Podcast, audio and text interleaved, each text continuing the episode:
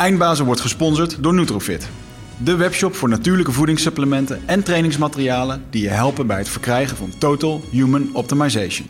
Nutrofit is hofleverancier van merken zoals Onnit, Natural Stacks en Bulletproof Coffee. Probeer onze producten zonder risico door onze money back guarantee. Bezoek ons op www.nutrofit.nl. Bestel je voor 9 uur 's avonds, dan zorgen wij dat jouw bestelling de volgende dag geleverd wordt.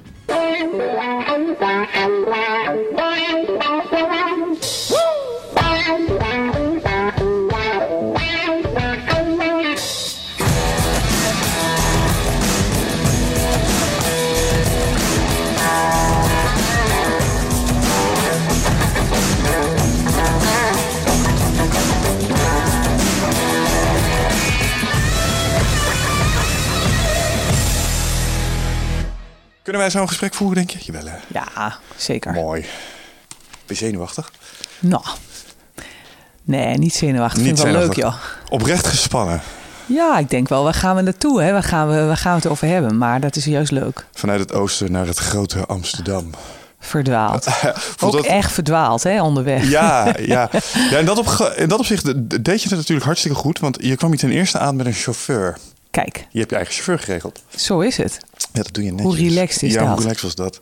En ehm, ja, ehm, we zijn eigenlijk al een soort van een eh, beetje begonnen. Welkom in de studio, eh Mirjam. Ehm, vandaag eh, jou is uitgenodigd om te kletsen over wat thema's die ons hier in de studio bezighouden de laatste tijd. Wat ik heel mooi vind, is dat jij opereert op een snijvlak van twee van onze interessegebieden. Eén, jij doet eh, het nodige met studenten. We hebben de laatste tijd veel contact met studenten. Eh, we initiëren allerlei initiatieven om studenten eh, een beetje te delen met de kennis die wij eh, in de wereld proberen te hebben. En in deze podcast zijn we ook heel erg druk met eh, het najagen van een doel, een missie en vaak altijd onder de streep om je goed te voelen en dus misschien wel te zeggen dat je gelukkig bent. En dat zijn toevallig twee dingen waar jij ook wel behoorlijk druk mee bent. Ehm, misschien kun je jezelf eens even kort voorstellen in dat opzicht. Ja, nou, ik ben Mirjam en ik ben docent gelukskunde op Saxion. En dat vak heb ik zelf bedacht. Dus eh, eh, ik, eh, ik ben met studenten ook op zoek. En dan niet zozeer naar geluk, want ik denk dat je dat niet kan zoeken. Maar wel van waar woont dat nou? Hè? Waar, waar, waar ben je als je in de flow zit? Of waar ben je als je dat doet waarvoor je hier bent? Dus, en dat, dat zijn dingen die we samen aanpakken, samen over praten, opdrachten over doen. Dus er zeggen echt vak op Saxion. Ja, wat ik daar heel bijzonder van vind, een van de eerste dingen die me opvalt, eh, ik heb hier natuurlijk eerder met je over gesproken, we kennen elkaar natuurlijk al een klein beetje, ehm, is dat je dat vak zelf hebt mogen maken. Ja, Dat mag niet iedereen. Niet iedereen mag zomaar zelf een vak in elkaar zetten en op Saxion de hogescholen gaan eh, doseren. Daar heb je vast wat dingen goed voor moeten doen. Hoe is dat zo tot eh, stand gekomen?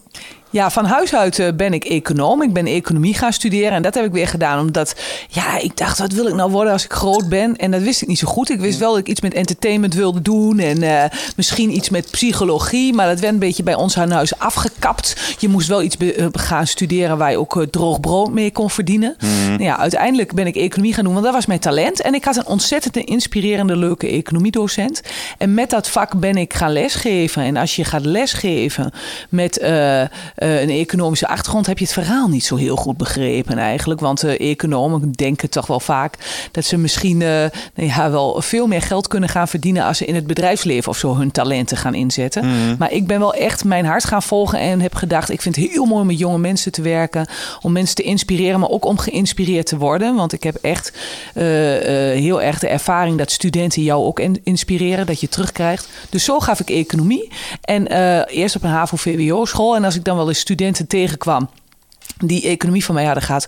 Ja, we willen allemaal zinvol bezig zijn. Zei ik, doe je nou nog veel met die economie die van mij gehad hebt? En dan keken ze me aan en zeiden ze, nou juffie, wil je een eerlijk of een wenselijk antwoord? Nou, in het echt bleek dat bar, eh, bar, bar weinig te zijn wat ze ermee deden. Maar, zeiden ze, eh, we denken nog wel heel vaak aan je. En dat zat hem dus in het feit dat ik eh, de vragen aan ze stelde die eigenlijk nooit gesteld werden. Dat ik dingen in ze zag waar ze zelf nog niet zo ja, bewust van waren. Want je eigen talent vind je vaak heel normaal. En dat ik ze anders naar het leven liet kijken. En toen vroegen ze waarom is dat eigenlijk geen vak waarvoor je daarvoor vermomd als econoom? En uh, je leert ons gewoon een leuk mens zijn. Dat heb je in het hele leven nodig. Of je nou uh, directeur wordt, of je nou uh, bij een radioomroep gaat werken, of dat je nou misschien ooit vader wordt of zo. Dan is het handig dat je een leuk mens bent. Dat je weet hoe dat misschien een beetje gaat. En dat, dat, dat heb ik altijd wel in mijn oren geknoopt. Maar ik denk, ja, wat moet je daar nou mee? Wat is mm. dat dan voor vak? Dus ik heb daar, dat zat al wel zo'n zaadje wat geplant was van wie weet ga ik daar wel ooit wat mee doen. En dan heb je soms van die dingen nodig in je leven die je echt wakker schudden. En bij mij was dat de dood van mijn vriendin Imke. Mhm. die, uh, waar ik heel close mee was, die melanoomkanker had. En die echt in hele korte tijd, drie maanden, overleed. En uh, toen ik bij haar uh, op de begrafenis of op de uitvaart was, toen dacht ik: hé, hey, hoeveel later heb ik nog? En hoe lang wacht ik met dat te doen waarvoor ik hier ben? En toen ben ik op Saxion, werkte ik inmiddels naar mijn baas gegaan. En ik heb gezegd: ik wil iets doen met liefde, geluk en succes. Mm Ze dachten eerst dat ik uh, een time-out nodig had. en dat ik ernstig in de war was. En toen zeiden ze, daar hebben studenten van 20 jaar toch helemaal geen behoefte aan. En toen ik vertelde dat ik dat stiekem al lang deed... en met zo'n gedecideerdheid dat mijn baas in mijn ogen zag dat ik het meende. En hij zei, als ik jou niet laat doen waarvoor je hier bent, ben je mhm. weg. En alles wat je doet verandert in goud. Dus op die manier zei hij, ga maar. En dat betekende dat ik in mijn eigen tijd... Uh, het vak gelukskunde handen en voeten ging geven. Ik mocht dat bij een minor creatief probleem oplossen proberen. Ik dacht, dat kun je toch weinig gaan kapot maken. Maar dat is een super gave minor op, op mhm. Saxion. En uh, daar ben ik heel voorzichtig begonnen om wat lessen in geluk te geven. En het ontstond. En het is ook altijd anders. Het is ook niet een vast lessenpakket wat ik kan gaan uitgeven. Waar allerlei docenten mee aan de slag kunnen. Het gaat er meer om uh, dat je elke keer weer dicht bij jezelf bent. En ook dicht bij de groep bent. En dat je connectie maakt. En dat je kijkt welk thema is hier. Wat is er aan de hand? Wat speelt er in mijn leven? Wat is de parallel en de rode draad in het leven van die studenten die ik er heb zitten? Ja. Ja, dat lijkt me, dat lijkt me lastig als je dat uh, over de bühne probeert te krijgen bij uh, een, een organisatie als Saxion. Bijvoorbeeld een hogeschool waar men toch wel traditioneel denkt en bepaalde denkwijze heeft. Je zei het zelf al, het was niet vanzelfsprekend om een gelukskunde daar te introduceren. Helemaal niet op een economische opleiding.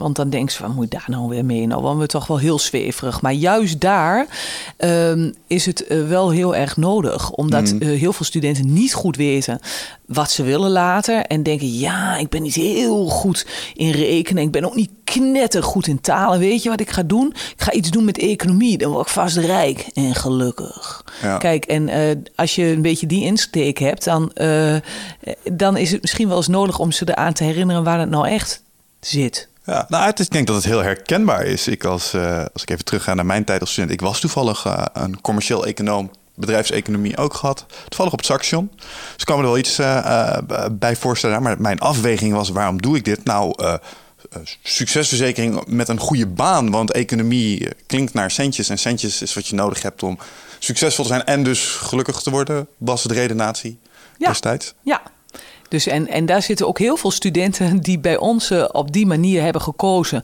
En ik zeg niet, ja, dat is slecht en ik keur het af, helemaal niet. Maar ik, uh, ik, ik, ik wil misschien wel met ze een beetje de zoektocht aangaan. Hmm, wat, wat, wat, dat geld, waar staat dat eigenlijk voor jou voor? Mm -hmm. En wat denk je als je dat geld hebt, waarom je dan gelukkig kunt zijn? Heel vaak is het antwoord: dan heb ik vrijheid. Maar ja, als jij heel veel geld vergaard hebt, zit je vaak in de gevangenis.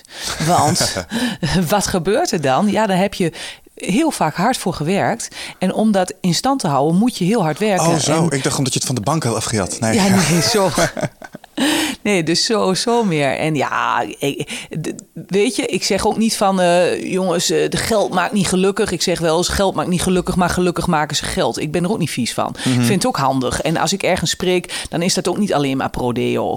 Want voor iets wat gewoon waarde heeft... mag jij ook waarde terugkrijgen. Hè, dat, is, dat is een punt. Maar wat bij mij meer zo is, is ik geef uh, mijn talent en mijn passie cadeau aan de wereld. En toevallig heeft de wereld daar geld voor over. Mm -hmm. Hoe leuk is dat? Dus ja. het is niet van uh, ik ga iets bedenken waar de wereld geld voor over heeft. En dan wring ik me in allerlei bochten. En dan, dan hoop ik toch wel dat ik dan heel veel geld verdien. Maar dat doet wel heel erg pijn. Want het is eigenlijk helemaal niet wat ik leuk vind. Mm -hmm. Dat zou jammer zijn. Ja, en, en dit gedachtegoed over de bühne krijgen in een, uh, in een organisatie als Saxion, zonder een vastomlijnd plan, want dat is het punt waar ik heen wilde. Van je zegt net, eh, ik heb niet echt een lesplan. Ik ben iemand, ik uh, mag ook wel eens een masterclass zorgen. Als ik niet met mijn sheets op kom dagen, wij hebben gezamenlijk gesproken. Je weet, als ik presentaties maak, ik heb een paar sheets nodig. Al is het alleen maar als houvast, omdat ik leerpunt heb. En een van de dingen die ik inderdaad bewonderde aan jou, is de vrijheid waarmee jij voor een groep kan gaan staan. Heel erg op je gevoel dit is wat ik nu moet gaan vertellen. Jij hebt daar ook een naam voor. Iets fluistert jou dat van spreken gewoon in. En ik vind dat heel erg knap. Maar was het niet ongelooflijk lastig om dat pakket dan, zeg maar, door een raad van bestuur of welke organisatie vormen je daar dan ook moet passeren. Hoe ja, heb je dat gedaan? Ja, ik ben wel iemand van stiekem buiten de lijntjes kleuren. Ik heb me ook wel laten helpen door mensen die heel erg gestructureerd zijn. Types zoals jij, die echt mm. in structuren denken, die schema's maken. En uh, daar hebben we wel een plan gemaakt, zodat je wel ziet waar ik naartoe wil. Want er zit wel natuurlijk een ziel in het programma, een kern. Mm -hmm. Maar de manier waarop ik dat ga doen, dat hebben we best wel uh, tactisch omschreven. Dat het allerlei kanten op kan, maar dat het toch geborgd is. Dus als je een accreditatie op bezoek krijgt en zij zien alleen het document, dan hebben ze wel iets, maar dan hebben ze ook vragen. En uh, dan zeg ik altijd, nou, dan kom ik graag naar het spreekuur toe. En als ze dan met mij praten, dan zeggen ze gelijk, ik, ik heb ook wel eens iemand gehad van de accreditatie die zei, ja, maar jou geloof ik direct, zegt hij tegen mij. Hè? En uh, hij zei van, uh, waarom is dat hier op Saxion niet dat er een vlag wappert met gelukskunde en dat daar gewoon, dat jij hier van Saxion bent en dat iedereen dat, die dat nodig heeft, van huismeester tot directie, tot uh, student een beroep op jou kan doen. Hij zegt, als ik Wim Boomkamp was, dan had ik dat geregeld. Dat was zij de baas van alle accreditaties in Nederland. Mag ik een hele gemene heel... vraag stellen? Ja? Denk, je, denk je dat er nog heel veel collega's bij je werken als jij die masterclass aan ze zou gaan doseren? ja, je weet het niet, hè? Nee, nou, ik, ik moet zeggen, wel vleugels uitslaan, uh, hè? Docent zijn is een... Um, is een vak apart. Ik bedoel, uh, het, is, uh, het is een mooi beroep. Kennis overdragen is mooi. We hadden hier laatst Casper van der Meulen zitten. Die zei, de snelste uh, manier om een held te worden is door een docent te worden. Want je kan heel snel echt een goede impact maken op mensen. Ja, ja. Wat ik ook mooi vond aan jouw verhaal net was dat... Um, uh, jij hebt ook zo'n docent in je verleden waar je op terugkijkt. Ja, Zo eentje waarvan je wist van, ja. eh, maar deze die deed dingen net eventjes anders. Ja, die maakte echt connectie, echt verbinding. Maar wat weer zo grappig is, één mens heeft alle facetten in zich. Die docent bleek ook een duistere kant te hebben. Dus niet één persoon is nooit helemaal heilig of zo. Hè? Als ze mm. mij wel eens vragen wie is je held of heldin, dan is dat een aspect van diegene, maar nooit het hele pakket. En dat is bij mij ook. Ik ben ook niet alleen maar perfect. Nou, deze meneer had echt wel een beetje een fout kantje eraan. Bleek achteraf. Maar de kant die ik zag, want ik keek naar een bepaalde kant van de diamant, die was uh, zeer aangenaam. Daar kon je heel hard mee lachen. Ik vind humor heel belangrijk. En hij was ook een beetje stout. Hij kleurde buiten de lijntjes. Hij ging lekker buiten lesgeven als het weer was, uh, goed was. En, uh, en hij was zeer inspirerend, maar vooral ook door uh, de bottengrappen die hij had. Door de mensen die hij echt... Hij kende ons echt in de klas. Hij wist alles wat er speelde. Dat vond ik heel leuk. Ik voelde mij door hem gezien. Ja, voelde ik alsof hij authentiek was. Ja. In ieder geval echt. Ja. Geen laagje vernisser nee, En dan denk jij als student, want je bent natuurlijk, of leerling, ik was nog best wel jong. Dan denk je van, ik wil uh, uh, bij die meneer het wel heel erg graag heel goed doen. Want ik wil wel graag uh, gezien worden of zo. Want dit is een gave gast. Hè, daar ga ik, en dan ga je economieboek ook eerder open doen. Mm -hmm. Ik denk als die een ander vak had gegeven. Och, maar toevallig was economie ook mijn, nog mijn talent. Dus ik kon dat toevallig ook nog heel goed. Kijk, en die combinatie maakte dat ik dat ben gaan doen. En daar heb ik ook nooit spijt van. Want ik vond de studie economie helemaal niet leuk. Maar um, ook, ook wel echt wel saai. Uh, maar um, uh, doordat ik mijn economische achtergrond heb, kom ik wel in bepaalde uh, kringen terecht. En mag ik ook bij bepaalde mensen spreken. Ik noem maar wat. Bij alle chirurgen van het ziekenhuis. Die denken dan van: ja, weet je, gelukskunde. Ik weet niet of we erop zitten te wachten. Maar misschien moeten we maar een keer mee met die beweging. Maar weet je, zij heeft gestudeerd. Dus die moeten wel verstand van ja, hebben. Ja, precies. Het geeft je credibility. Want als ja. je conservatorium had gedaan, dan was het een ander verhaal geweest. Zeker weten. Heeft ja. mijn man gedaan. Nou, dan kom je nergens binnen, echt niet. Nee, Maar, nee, maar dat is waar ja. wat je zegt. En, en, en, dan denken ze dat je uh, geloofwaardig bent. En ik ben ook eerlijk als ik zeg dat ik mijn ego Mhm. Heel graag wil spreken voor mensen die uh, niet Harry Wary zijn, waar ik geen jeuk van krijg. Mensen die met beide benen op de grond staan, die echt wat te melden hebben in dit leven, maar die misschien soms even de weg kwijt zijn. Die mhm. even niet meer precies weten hm, wie moet er nou achter het stuur van mijn auto. Hè? En in, in overdrachtelijke zin van wie laat ik aan het roer van het schip, is dat dat stemmetje in mijn hoofd die heel erg lastig is en die heel veel negatieve gedachten heeft en die mhm. overal gevaar op de weg ziet en die hoopt op een beter verleden? Of is dat misschien wel de fluisterstem die ik helemaal niet meer zo goed hoor, want die andere stem schreeuwde zo hard? En hoe, hoe vind ik die stem weer? Maar daarvoor hoef je voor mij niet in de yoga stand en hoef je voor mij ook niet de hele dag mediterend door te brengen. Dat kan als je dat lekker vindt, is helemaal prachtig. Ik vind het juist ook mooi om dat in het zakenleven op de bühne te krijgen. Daar ook van. Want je doet het op twee fronten. Je doet dit enerzijds in het bedrijfsleven, anderzijds natuurlijk uh, met studenten. Klopt. ja. ja. Ja, wat is het toch dat als je over dit soort thema's hebt, je, zegt het zelf, eh, je verdedigt het eigenlijk al vanuit jezelf. Het is heel zweverig, het is niet zweverig of zo. Maar wat is het toch dat, dat geluk, uh, een fijn gevoel nastreven, het ooit een keer het stempel spiritueel en zweverig heeft gekregen? Ja, dat is eigenlijk wel vreemd, hè? Als je het hebt over je, over je zielsgeluk vinden of je pas voor, dat wordt al redelijk stel als uh, zweverig Ja, dan denken ze allemaal dat je met volle maan om bomen in moet gaan dansen en zo. En, en allerlei rituelen moet... Ja, ja, dat soort dingen. We regelmatig hier. Nee, maar, ja, nee, maar, het, is wel, het is wel, uh, ja, dat is zo ontstaan, denk ik. Maar ik, ik zie wel een beweging dat uh, zelfs knetterharde zakenmensen, waar, die zijn natuurlijk niet knetterhard, want iedereen heeft twee kanten, wat ik net al belichtte. Maar dat die meer openstaan voor dit soort dingen. En gaan denken, ja, in de bouwwereld zelfs word ik ingehuurd. Uh, bij, uh, ja, noem maar op. Ik, ik zit op allerlei bij HR-managers. bij, ehm, ja, gewoon multinationals. Er zijn heel veel bedrijven die je toch geld aan uit willen gaan geven. En dan ga ik ook wel een beetje doorvragen als ik met ze in gesprek ben. Is dit nou omdat ze, want een gelukkige werknemer rendeert natuurlijk ook. Daar zit ik dus aan te denken. Dat, ik bedoel, dat is een reden als een bedrijf om te zeggen: dit willen we doen. Doen, ja. en dan zeg ik: ja, jongens, maar het gaat mij vooral om het welzijn van die mensen die voor jullie aan het werk zijn. En dat dat dan toevallig voor jullie rendeert.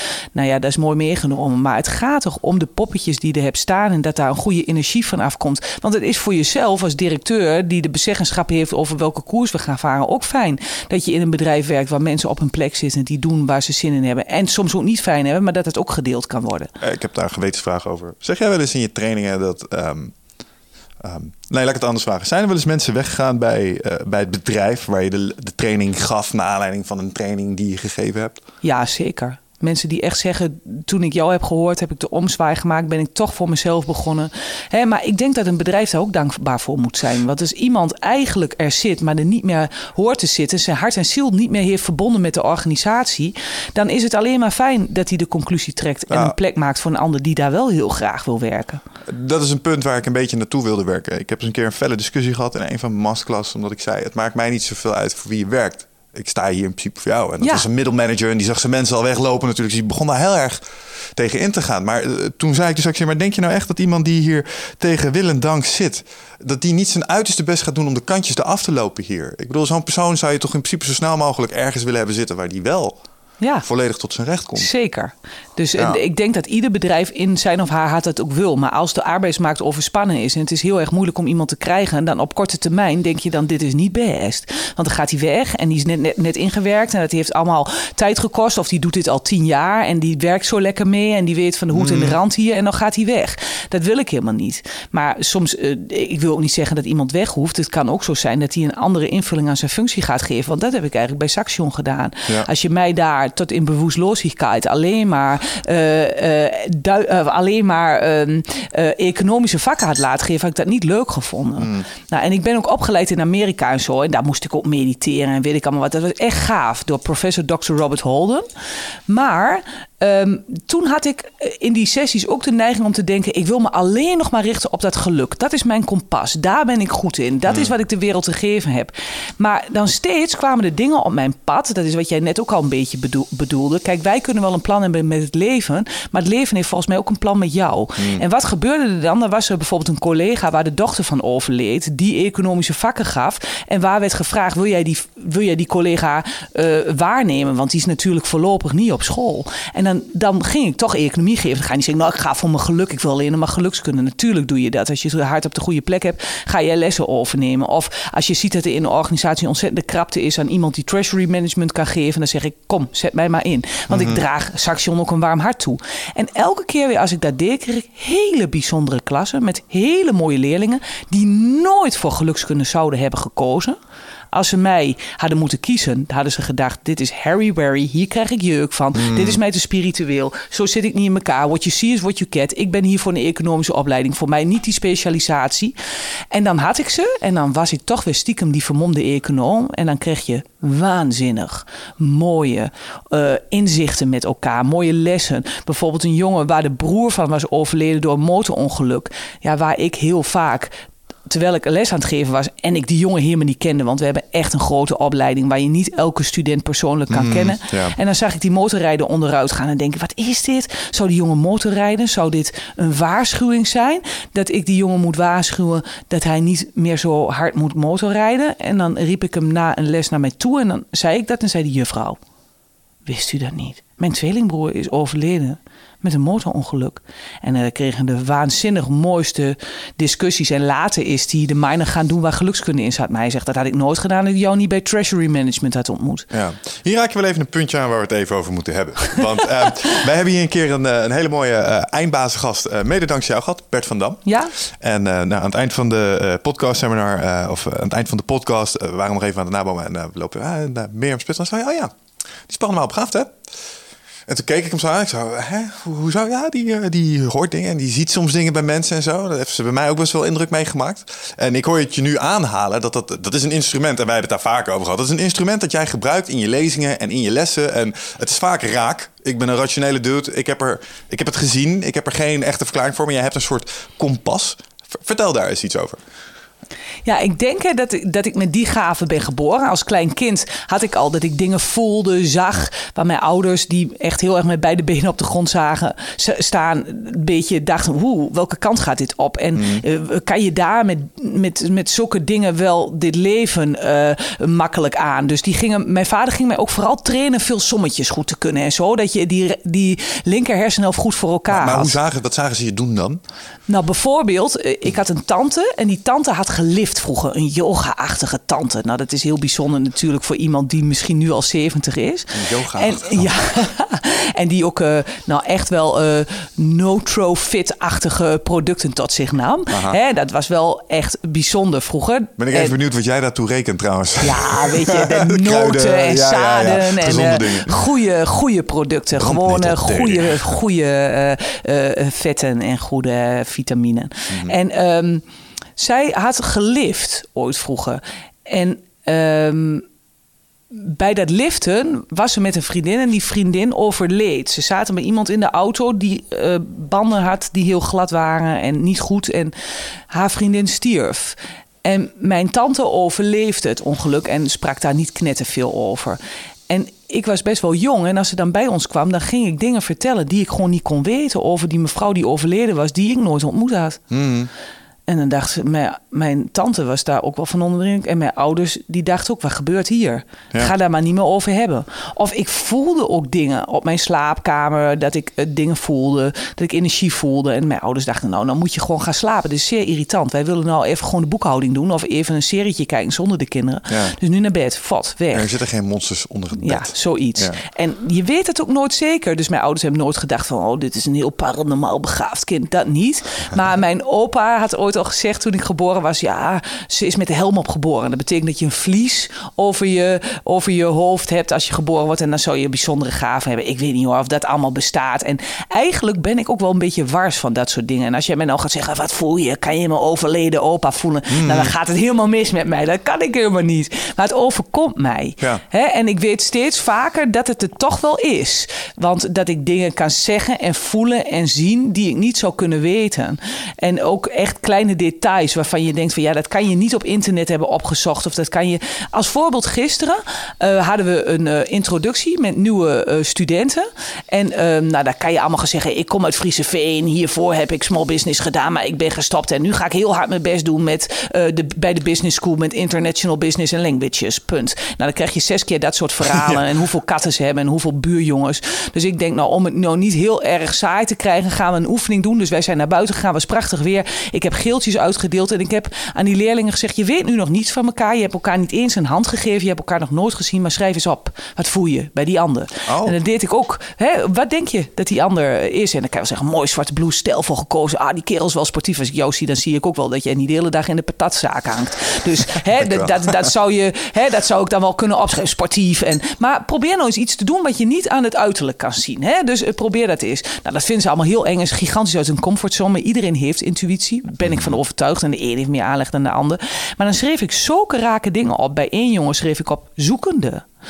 Kan zich heel slecht motiveren. Vooral voor dingen die hem niet interesseren. Geen idee of jij wel leert uit boeken. Ik denk dat jij het leert uit de praktijk. Maar jij zit hier voor je ouders. Hij had nog niks gezegd.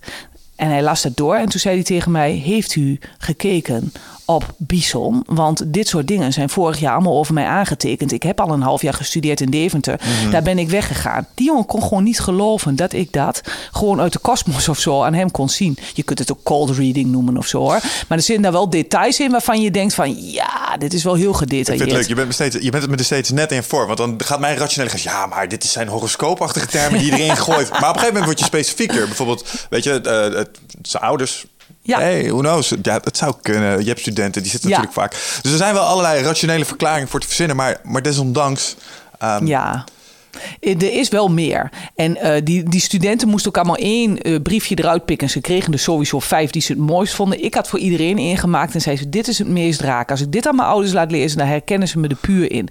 Van, je houdt heel erg van huisdieren. Je hebt een zesde zintuig. Daar heb je soms ook last van. Dat ontken je nog eens wat. Nou, dat soort dingen. Nou, dat zegt zo'n meisje ook: Ik ben helemaal wild van huisdieren. Hè. Dat, dat kan ik beter meer dan met welk mens dan ook. Weet je, en dan er zijn er toch wel specifieke dingen waarvan ik ook zelf denk. Want als ik het opschrijf, dan denkt mijn al van houd toch op maar met het rare opgeschrijf. Want hè, d- dat, dat, je verzint maar wat. Hè, maar ja, ik schrijf dan toch op en ik luister niet naar de schreeuwstem van mijn ego. Maar ik schrijf de fluisterstem schrijft op wat hij hoort. En dan later blijken die leerlingen gewoon ontroerd te zijn over wat er op dat papiertje staat. Maar ja, weet je, die Victor Mits van Mindfuck kan dit ook heel goed. Hè?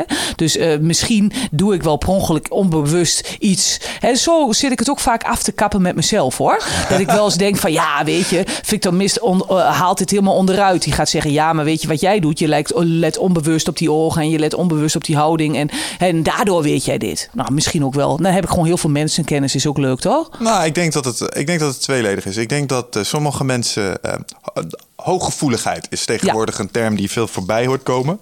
Wat dat precies is, eh, als iemand die het niet heeft. ehm, ik weet niet hoe dat moet voelen. Maar wat ik denk dat het is, is dat je gewoon net iets meer open staat voor allerlei informatie. Ja. Ik ben iemand, ik zit redelijk in mijn hoofd. Ik denk de hele tijd wat. En met dat ik aan het denken ben en aan het luisteren naar dat verhaal, weet je wel, die stem waar jij het over hebt, gaan er ook allerlei andere dingen verloren. En inderdaad, als je gewend bent om dat stemmetje voorrang te geven, Ja, wat heel veel mensen gewend zijn. Ja. En wat ook heel makkelijk is. Ja. Maar desondanks, dan vind ik nog wel weer frappant. En dat vind ik dan altijd de, de kippenfilmmomentjes.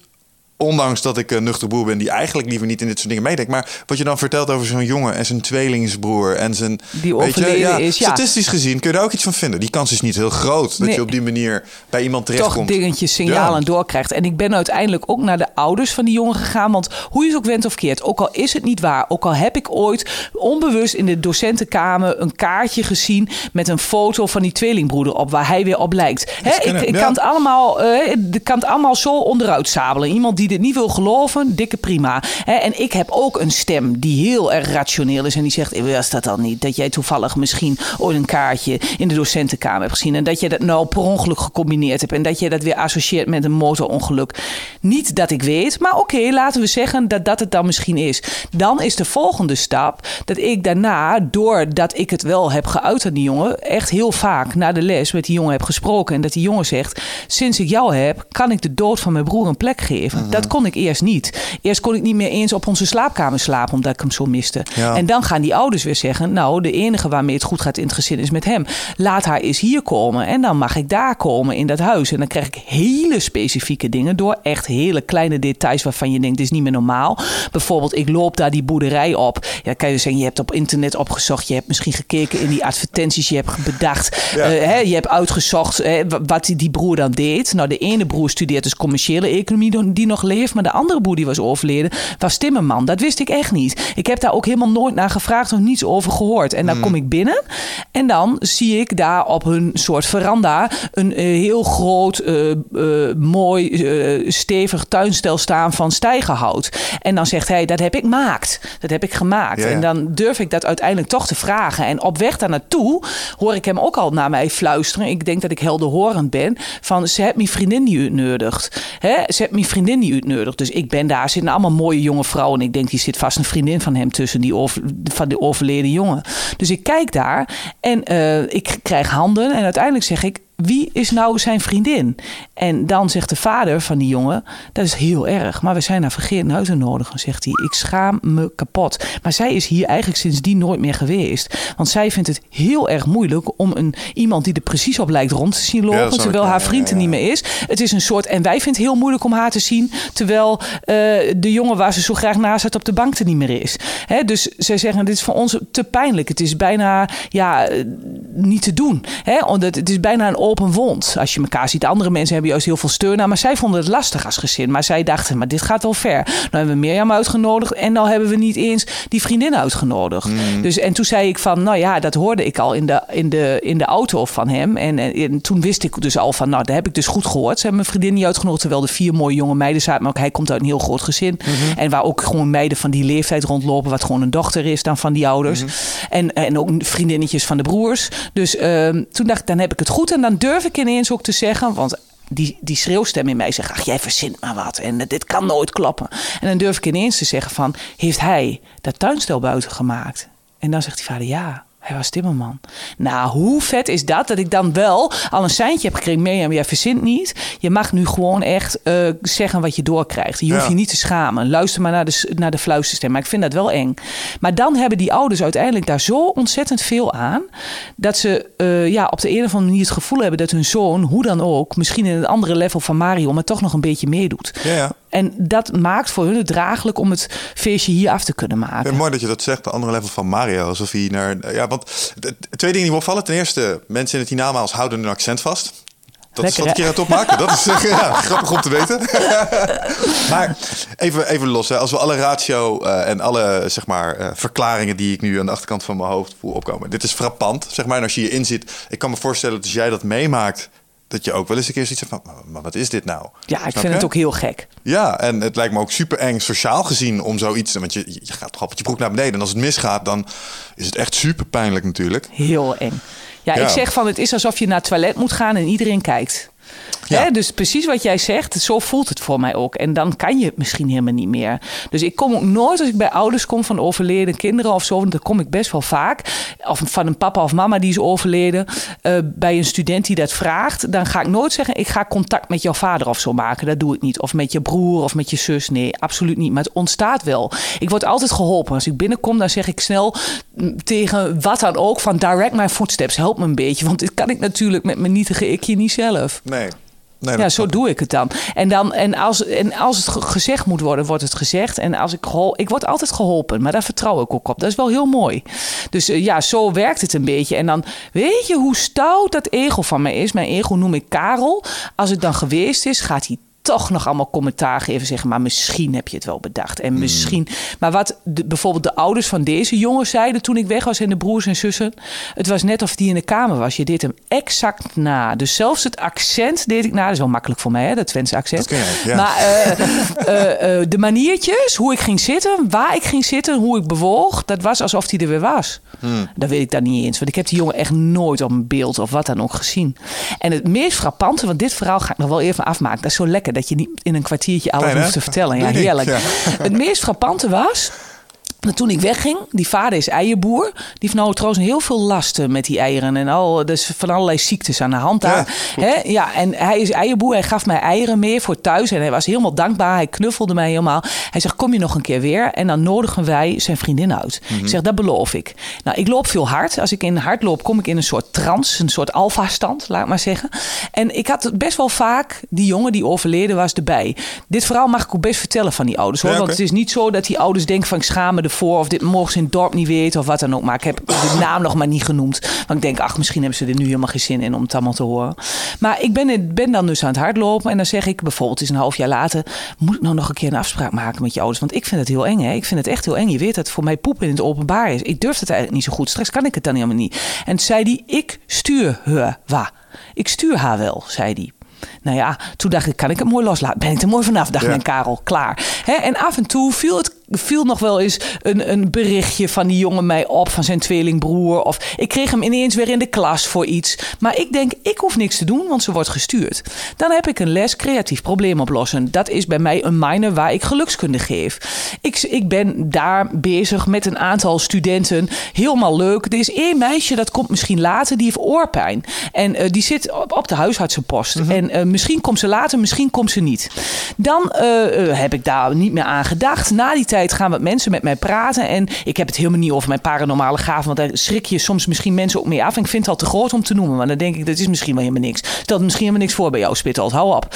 Nou ja, dus daar heb ik het helemaal niet over. Maar één jongen zegt, weet je wel waarom ik hier zit? Ik heb ooit van jou economie gehad. En toen kwam jij naar me toe je zegt, je hebt vliegangst. Hij zegt, dat vond. Want dat had ik eigenlijk nooit met iemand gedeeld, want daar schaamde ik mij voor. En toen zei jij, daar, ga, daar kan je wat aan doen, weet je dat? Zou ik je helpen? En jij hebt mij geholpen. Want hij is uiteindelijk naar een, een, een training gegaan... waardoor hij van zijn vliegangst afkwam. Want ik zeg, ik voel dat het voor jou heel belangrijk is dat jij wel kan vliegen. Want jij gaat grote dingen doen en jij moet de wereld overvliegen. Kan je beter nu aanpakken. Ik zeg, hoe ouder je wordt, hoe lastiger. Dus dat heeft hij gedaan. Toen was hij ook nog helemaal blij, want zijn broer studeerde op dat moment in Australië. En daar was hij die zomer naartoe gegaan. Stichting Valk doet daar iets aan. Hebben we samen gegoogeld en zijn we achtergekomen. En hij is echt bij de co-piloot en bij de piloot in de, in de, in de, in de, in de kombuis, of hoe noem je dat ook alweer geweest? Cockpit. Spitholt, let op. Cockpit geweest. En, eh, en, en die, die man zei ook doodleuk tegen hem: Ja, ik heb drie kinderen, die wil ik ook vanavond heel graag weer zien. Ja. Dus eh, ik let echt op hoor. Hè? En eh, nou ja, zodoende eh, eh, zat die jongen bij mij. Hij zegt: Ik vond het zo indrukwekkend, daarom ben ik bij deze training, zegt hij tegen mij. Hij zegt: Maar ben jij dan paranormaal begaafd? Nou, wij zijn met z'n tweeën, zijn er ook nog twee meiden wat aan het rommelen. Ik zeg: Dat weet ik helemaal niet. Maar ik vertel dat verhaal, want het was 2,5 jaar geleden. Maar per ongeluk geef ik hem een voorbeeld van het verhaal van die motorrijden. Dat ik soms dingen zie. Heel vaak juist onder economische lessen. Verveel ik misschien, misschien een beetje, gaat die rechter hersenhelft opspelen. En eh, die twee meisjes, die worden helemaal stil. En die zeggen: Juffrouw, dat meisje wat er vandaag niet was, hè, die is ook niet gekomen hè, met die oorpijn. Die heeft haar vriend verloren met een motorongeluk. Zou dat toevallig iets te maken kunnen hebben met dit? En ik kreeg kippenveld het in de nek. En ik hoor die jongen die overleden zeggen: Ik heb toch gezegd, ik stuur haar waar. Dit is ze. Maar dat was wel fijn, want toen wist ik dat ze zou komen. En ik zei ook tegen hun: Ik denk dat ze het is. Ik zeg, maar we gaan gewoon afwachten. En we gaan nou ook niet vertellen dat ze gestuurd is of weet ik, want dan wordt ze doodsbang. Komt Ja, ze nooit weer. Ja. En toen ontstond er, ik laat ze opdrachten maken, bijvoorbeeld beantwoord eens een grote levensvraag op een creatieve wijze. Of bijvoorbeeld maak een mooi levensboek, Book of Life. En toen zij haar levensvraag ging beantwoorden, was het een levensvraag met: kan ik hem ooit laten gaan? Het was 2,5 jaar geleden dat hij overleden was. En ze had zo'n mooi filmpje gemaakt, niet normaal. Diep, diep geroerd. En toen appte ze mij en toen zei ze: Juffrouw, ik moet u iets vertellen. Want ik heb een filmpje gemaakt en de klas weet het wel, maar jij weet dat niet. Want ik kom altijd na acht weken pas dat programma in. Ja. En, eh, maar mijn vriend is overleden. En eh, ik weet ook niet of ik het wel in de les durf te laten zien. En ik had nooit verwacht dat ik dit onderwerp zou durven doen. Maar ik moet het doen. Ik kan niet anders. En dit filmpje is al zo helpend voor mij. Kan je niet vertellen. Maar ze zegt, ik weet nog niet of ik het aan iedereen wil laten zien. En toen, toen zei ik tegen haar kom naar de les en we gaan kijken wat er ontstaat. En dat was zo mooi. En toen had ik haar ook al in een brief, toen zij in die les had geschreven, dat ik eigenlijk een beetje. Hè, en toen vroeg ik ook aan haar: hoe kom je nou bij deze minor dan? En toen zei ze: ja. Ik doe verpleegkunde. Ik had nog nooit een verpleegkundige gehad in de lessen creatief probleem oplossen. En ik moest wat kiezen. En ik zag dit staan, maar ik wist helemaal niet dat ik gelukskunde nodig had. Maar mijn oog viel erop en ik moest dit doen. Het was een soort dwang. Ze zegt dus, ik koos dat. En ik heb wel eens met de, met de tweelingbroer die nog leeft gepraat en gezegd hoe gaat. En toen zei hij, ik heb een juf op Saxion die mij gigantisch heeft geholpen. En toen zei zij, en nou weet ik het, die juf ben jij. Ja. Maar nooit had hij gezegd, dan moet je de minor creatief probleem oplossen doen. Of iemand had gezegd dat je gelukskunde kunt krijgen. Nooit. Wel bijzonder, toch? Ah, Op zijn minst. En, en ik stel me dan ook voor dat je, zeg maar, aan het eind van zo'n dag zit je thuis op je bank. En dan ga je dat ook na in je hoofd. En dan komt Karel eens om de bocht zeilen. Ja. En, en ergens probeer je dit, denk ik, toch... tenminste, als mij dit zou overkomen... ik zou ten eerste proberen het helemaal kapot te redeneren. Ja. Maar als ik dan een aantal van dit soort hele, hele sterke voorbeelden krijg... en ik beluister ze nu en ik kan er nog enige sceptisch bij voelen... maar ik denk dat als je het meemaakt en je ziet mensen zo geëmotioneerd raken... want het zijn geen kattenpisgevoelens waar je in loopt te roeren. Zeg maar, dit is echt voor die mensen.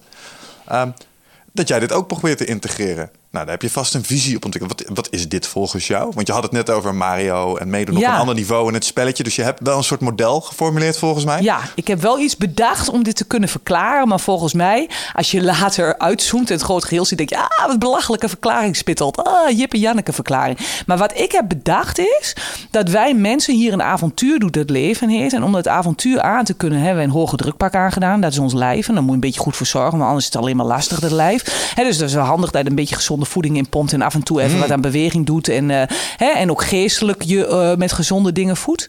En, eh, maar wij zijn niet dat lijf. Dat is waar we even in op visite zijn. En volgens mij zijn we ook niet onze gedachten. Die kop waar jij zo vaak in verkeert, en ik ook, kan ik je wel vertellen. Ik kan ook echt verdwaald raken in mijn hoofd. Hè. Dan ben ik een soort talking head.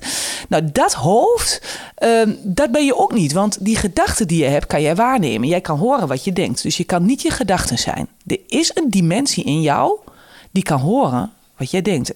En als de luisteraars nu denken, waar heeft ze nu dan weer over? Nu haak ik helemaal af. Welke stem? Nou, die stem. Die absoluut niet discovered wil worden. Want die denkt, ik wil de kapitein op het schip zijn. Want dat is veilig. Ik weet de weg. Anders gaan we te helemaal de verkeerde kant op. Dus er is ook een bewustzijn. En dat bewustzijn is volgens mij wie wij in essentie zijn. En als wij sterven, dan hebben die gedachten volgens mij geen, eh, geen poot meer aan de grond of zo. Dat Aha. ego sterft met ons mee. Dat lijf is eigenlijk die jas die wij uitdoen. Maar die waarnemer van wat wij dachten, dat bewustzijn, wat ook aangesloten is met het grotere bewustzijn, volgens mij is dat wat in essentie blijft. Dat denk ik. En dat is allemaal energie. Ze hebben ook wel eens iemand gewogen voordat hij stierf en nadat hij gestorven was. En er zit een paar gram tussen. En wetenschappers, wetenschap is ook maar een geloof, maar sommige wetenschappers zeggen dat is dan het gewicht van die ziel. Ja, ja Maar ik heb het ook gelezen. zo is. Ja, dat is Ja. altijd bullshit volgens mij. Maar ja, ik- het kan ook wel allemaal bullshit Maar- zijn maar- hoor. maar des- je kunt mij zomaar wijs maken dingen hoor. Dus ik, ik weet het ook echt niet. Hè. Michel, ga niet denken dat ik denk van... ja jongens, ik ga jullie hier even vertellen hoe het allemaal in elkaar zit. Volgens mij moet het ook wel een beetje geheim blijven. Want anders wordt het verlangen naar huis te groot. Het is Oh. ook wel mooi dat wij dat niet weten. Hè, want ehm, misschien is het in die andere dimensie van Mario wel super vet. Ja. Ik weet het niet. En eh, zijn wij nu maar aan het vechten dat wij dit eh, leveltje lekker aan het uitspelen zijn. Maar eh, wie weet is dat andere level wel dat je denkt, wauw. Ooit hè, heb ik eens een medium gehoord. Niet dat ik constant naar mediums luister hoor. En ook niet dat ik mediums allemaal geloof. Want ik denk dat er ook heel veel bullshit tussen zit. Ja. Maar dit vond ik gewoon wel leuk. Ook al is het niet waar. Maar ik vond het, ik vond het een leuke redenatie. Hè? Want als je nou denkt aan heaven of zo. Hè? Wat mij betreft het volgende level van Mario. Daar is liefde. Daar is geluk. Daar is alles peace. Daar zijn allemaal mooie kleuren. Daar is alles fantastisch. Nou, als dat zo gaaf is, wat doen wij hier dan? Want ik heb het soms wel druk hier en ik vind het soms ook zwaar. Echt zwaar. Ik vind het ook wel eens lijden. En dan is de verkering uit, of dan hebben we een baan die niet doorgaat, of dan gaat iemand waar je heel veel van houdt dood. Nou, alleen maar leuk kan ik het hier niet noemen. Dat kan ik je wel vertellen. Maar ik, ik omarm wel alles wat gebeurt. En ik denk ook wel weer, nou ja, daar leer ik wat van. Waarvoor weet ik niet waarvoor dat nodig is, maar het vormt mij wel. Hè, ik vind mensen die wel wat meegemaakt hebben, vaak hele interessante mensen. Ja, ja, zeker. Hè, en dan denk ik, oh, die hebben wel wat te melden. En eh, dat is, daar zit meer en diepgang achter. Nou, wat ik en wat die mevrouw zei dan, toen zeiden ze tegen die mevrouw van, nou, als er dan een hemel is, waarom zou je dan überhaupt hè, nog hier in dit level van Mario willen aankloten? Hè? Wat, wat, wat is dit voor raars? En toen zei ze, vergelijk het met een hond. Die zit met een dag dat het prachtig mooi weer is op de achterbank van de auto. Het raam is open van die auto. En die hond weet, als ik mijn kop uit het raam steek, krijg ik vliegjes in de ogen. No matter what. Dat weet hij zeker. En toch doet hij het. Omdat dat dat ongemak ver eh, niets is eh, vergeleken met dat excitement van die kop uit je raam. Dat die wind door je haren. Dat Ja. hè? En dat is wat wij hier hebben. Dat avontuur, dat leven heet. Hier die dualiteit. Mhm. Dat er eh, juist goed is, maar ook kwaad. Dat er licht is, maar ook donker. Dat er haat is, maar ook liefde. Dat maakt dat wij het gevoel hebben dat we echt leven. En dat we echt de sensatie van het avontuur, het leven kunnen ervaren. Ja. Dus die dualiteit heeft ook weer iets heel moois. En ik denk dat het zo een beetje zit. Dat we maar dat weet ik niet zeker. Hè. Dat verhaaltje heb ik bedacht, ook om het leven hier aan te kunnen. Maar dat we een avontuur dat leven hier doen in de vorm. Dat we hier een bepaalde dingen leren. Dat kan je check, check, check een beetje afvinken. Hè. En eh, wat je niet oppakt, hè, want dat herken je ook wel. Dat je dingen krijgt dat je denkt, oh nee, niet weer die les. Mm, het is een ander jasje, maar het is hem weer. Het is er weer, het is er weer. Ik heb de disease to please bijvoorbeeld. Voor mij heel lastig om af te leren.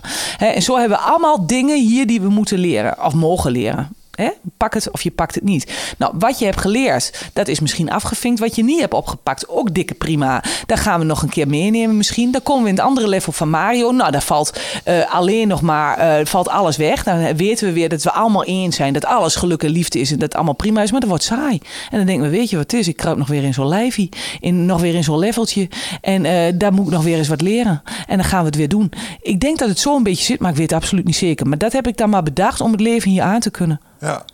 Het klinkt een beetje alsof je zeg maar eh, elke keer weer een potje mensheid gaat spelen. We Ja, even een ja, potje, even Hè, dan potje gaan mensheid. Even, even Gaan we even 80 lekker. jaar gaan Ja. we even een potje doen. Ja, en, ja, en, dan, eh, dan, en dan kies ik eh, dingetjes uit waarvan ik achteraf kan denken: hoe heb ik dit ooit uitgekozen? Een moeder die helemaal niet liefdevol voor mij was en er niet kon zijn. En echt eenzaam voelen als kind. Maar ja, dat maakt wel wie je bent. Of bijvoorbeeld, dat is niet per se mijn leven hoor, maar dat je denkt: van hoe kan ik elke keer hebben gekozen in dit leven voor mannen die mij bedriegen? Ik noem maar wat. Hè, wat, wat, wat bezielt mij? Maar ja, blijkbaar is dat eh, wat je wil leren. Nou ja, je model is in zoverre eh, helemaal niet zo gek bedacht, omdat een aantal andere hele slimme mensen, ehm, en misschien niet eens ehm, eh, mensen die paranormaal begaafd zijn of medium zijn. We hebben hier een meneer in de studio gehad, dat is een van mijn persoonlijke helden, David Allen, heeft het boek Getting Things Done geschreven. Het gaat gewoon om snoeiharde productiviteit. Maar de man was onverwacht spiritueel en keek eigenlijk op exact dezelfde wijze zoals jij zojuist omschreef tegen het universum aan. Ik ben even kwijt welke tak. eh, hij, hoort bij een specifieke eh, religie. Die geloven in eh, de, de stranger volgens mij. Dat is een, een entiteit. Maar het, het doel hier op deze planeet is cycli van bestaan doormaken. Om het elke keer een stukje beter te doen. Het heeft heel veel weg van het reïncarnatie van, vanuit het boeddhisme. Je moet telkens naar hogere niveaus. En ehm, het voelt intuïtief op een of andere manier. Ehm, sluit het wel aan bij iets? Ik bedoel, je weet het, eh, rationele jongen, maar ook wel wat ervaringen meegemaakt. ehm, bijvoorbeeld in de vorm van ayahuasca, waarbij dit soort inzichten met name ehm, ja, tot je komen. En een van de mooiste dingen die ik daar heb gehoord was iemand die eigenlijk ja, letterlijk dit zei. Zegt, je moet het zo zien. Het is een ritje. En straks aan het eind van het ritje kom je weer terug. En dan kies je ervoor om het ritje weer te doen. En misschien is het deze keer niet het ritje als, als mens. Of misschien wel als mens. Maar deze keer was het niet... eh, gaat armoede je uitdaging worden? Ja. En, en de vorige iteratie had je alles. Maar was inderdaad je relatie met mannen was een beetje verstoord. En was dat je leerpunt? Maar nu gaan we werken aan eh, stoïcisme. Nou, Ja. volgende ronde. Zoiets. Ja, Kinda makes sense somehow. Weet je, ik kan me, ik kan me Ja. wel voorstellen dat zoiets zo zou werken. Ja. Maar aan de andere kant, waarschijnlijk is het zo Ach, dat als we straks de pijp uitgaan en we zoomen uit, dat we inderdaad weer Dat we met stomheid om. geslagen Ja. zijn hoe weinig we snapten. Ja. Ja, want als jij nu aan iemand die nog nooit op aarde is geweest wil uitleggen wat het is om mens te zijn, dan lig je toch ook helemaal vlak. Want dat, dat, dat, dat is niet uit te leggen. Je moet het ervaren. Dus hè, dan, dan, die rijden in autootjes en die willen meer. En die hebben vriendjes en vriendinnetjes en die willen kindjes en die hebben spulletjes. Maar als jij allemaal die termen niet kent, dan is dat heel moeilijk om, ook al hoor je dat, om dat je iets bij voor te stellen. Zo is het voor ons ook niet voor te stellen hoe het wellicht in een ander level van Mario is. En misschien is er ook wel helemaal niks.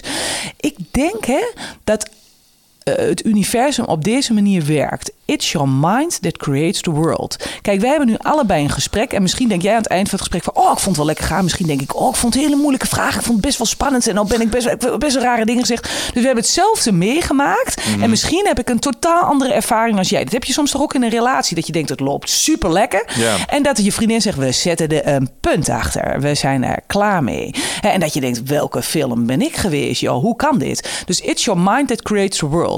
En als jij denkt straks, als je naar het volgende level van Mario gaat, dat het pikzwart is en dat er niets te zien is en de aarde donker, dan zul je daar allemaal bewijzen van vinden dat het zo is. En als jij denkt dat er onmetelijk veel meer is, dat het heel mooi is, dat de harmonie, peace, liefde is en dat iedereen waarvan je zoveel hield jou weer gaat omarmen.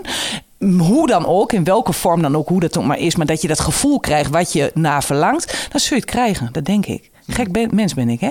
Dat ik zo een beetje denk. Dat je dat zult zien waar je voor open staat.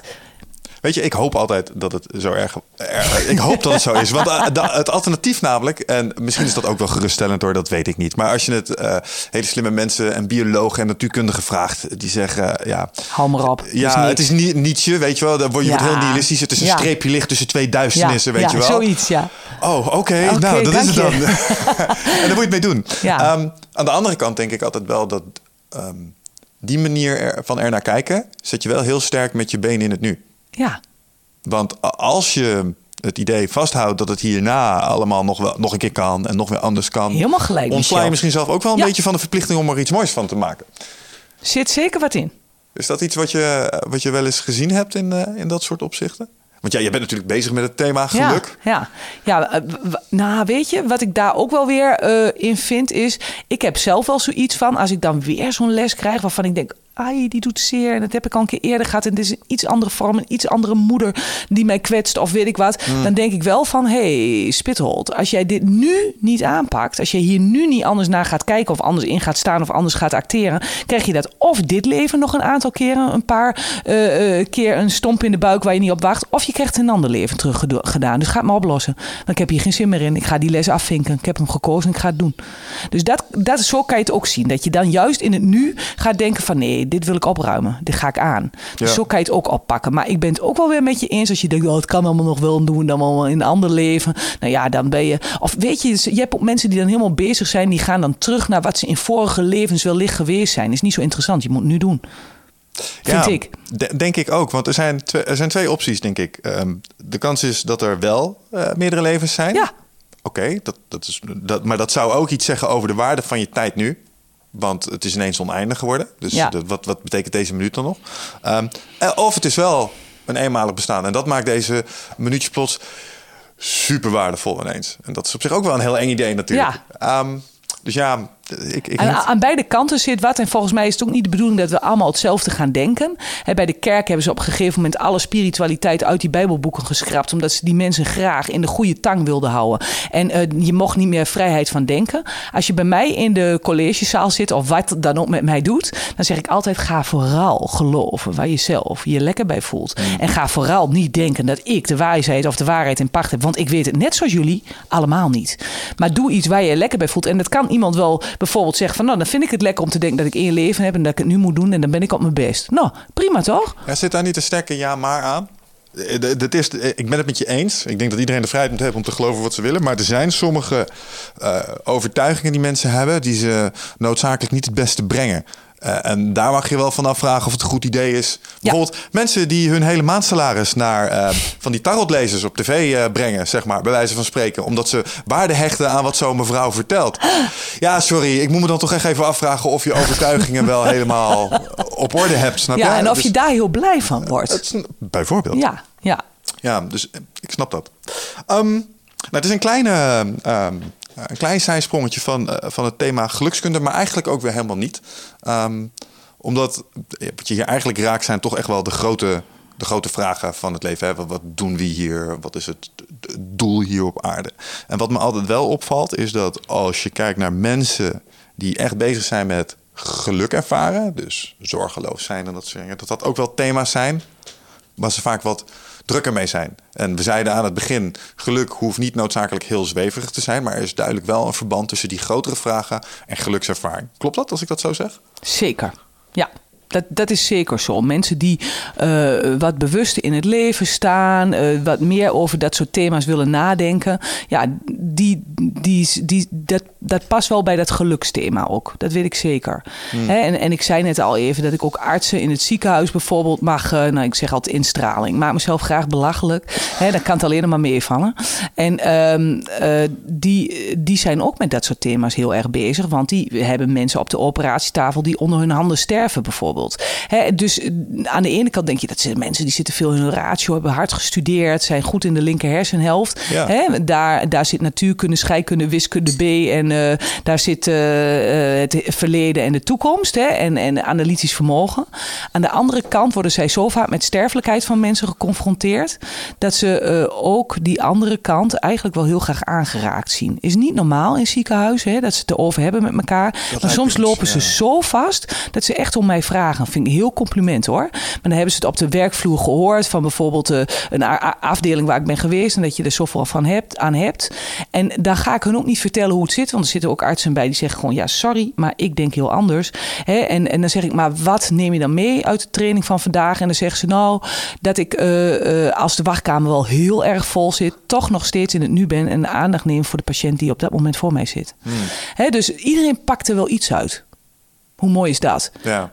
Maar ik denk ja, zeker dat het thema geluk en het grote geheel en eh, kijken naar eh, eh, waartoe zijn wij hier en zo, zonder dat je helemaal depressief van wordt. Want soms denk ik, haha, wat grappig dat ik daar de hele tijd over nadenk, maar er komt toch geen antwoord op. Ja, dat is waar. En soms zie ik ook wel eens mensen, want eh, we hebben het nu over en met dat we het over hebben, denk ik, ja, van, maar is dat ook wel zo? Want ik ken ook een heleboel mensen die zijn absoluut niet met deze thema's bezig. En ik heb het gevoel dat ze soms een, eh, een iets vreedzamer bestaan leiden, eh, zeker hier in de bovenkamer als ik zelf. En soms benijd ik dat wel een beetje. ja. ja, dus dat, dat hoeft misschien ook helemaal niet zo te zijn. Nee. Nee. Nee, je hebt ook bij mij, hè, bij mensen die dus van mij een training gaan volgen omdat het moet van hun baas of omdat het moet van hun vriendin, dat ze een keer meer moeten, dat ze ehm, eh, heel veel weerstand hebben. Dat ze denken, jeetje, wat is dit vreselijk. En eh, oh, wat een dom gezeur. En ah, geluk, boh, ik word er helemaal misselijk van. Je moet gelukkig zijn, je moet gelukkig zijn. Wat moet jij gelukkig zijn? Dat ga ik echt nooit zeggen hoor. Maar dat ze weerstand hebben. Dat ze ook bijna boos op mij worden om dingen die ik zeg. En dan heb je best wel eens. Ik had een mevrouw bij mij in de zaal. Die was vrijwillig overigens gekomen. Ze had zich opgegeven voordat ze wist dat ze ongeneeslijk ziek was. Een jonge vrouw. Daarna bleek ze ongeneeslijk ziek te zijn. Toen dacht ze: Ik heb dit kaartje nog. Ja, nou, dat is nu wel heel wrang. Want ik heb niet meer lang. Ik heb een gezin met jonge kinderen. En dan moet ik ineens gelukkig zijn. Ik weet niet hoor of ik hier wel zin in heb. Maar toch ging ze die avond er naartoe met haar vriendin. En na die tijd kwam ze naar mij toe en ging ze me allemaal vragen stellen. Ze, jij zegt, zegt ze tegen mij, dat je bijvoorbeeld heel veel kunt leren van mensen die nog niet meer zo lang te leven hebben. Omdat je dan juist ziet dat die mensen een moment pakken, omdat ze het gevoel hebben, de tijd is eindig. En eh, de- de- nu is het enige moment wat ik heb. Dus laat ik er maar van genieten. Laat Ja. er maar echt zijn. Hè? En eh, zij zegt van, maar wat heb ik dan? Want ik ben diegene die niet meer lang te leven heeft. En dat heb ik nog maar pas gehoord. Ze zegt, ik ben helemaal, helemaal van het pad af. En ik ben eigenlijk ook wel een beetje boos op jou. Zei ze tegen mij, want jij hebt alle tijd nog. En dan ga je hier even vertellen hoe je gelukkig, hè, waar je dat geluk kunt vinden. Nou, ik vond wel dat ze een punt had. Hè? En toen zei ik ook tegen haar, en die boosheid hoort er ook bij. En het verdriet hoort er ook bij. En de ontkenning dat dit over jou gaat, hoort er ook bij. Al die fases mogen er zijn. Ik zeg, maar dan, jij vertelt me, je hebt twee kleine kinderen. Welke boodschap wil jij die kinderen meegeven dit leven? Wil je een boze boodschap meegeven? Dat je teleurgesteld bent, dat je vroeg moest gaan? En wie zegt wat vroeg is en wie zegt wat laat is? Daar hebben wij met al onze eh, maatstaven die we hebben. Wij hebben daar mening over, helemaal over de dood. Ik, niemand gaat tegen jou zeggen, nou Michel dat is wel een beetje mislukt bij je ouders. Want jij bent ja bijna twee meter. Nou, dat is niet eh, gemiddeld. Ja? Dus, en maar als iemand te vroeg doodgaat in onze ogen, dan zijn we daar eigenlijk gewoon een beetje kwaad over. Daar hebben we daar een mening over. Dan vinden we dat moet verboden worden. Ja.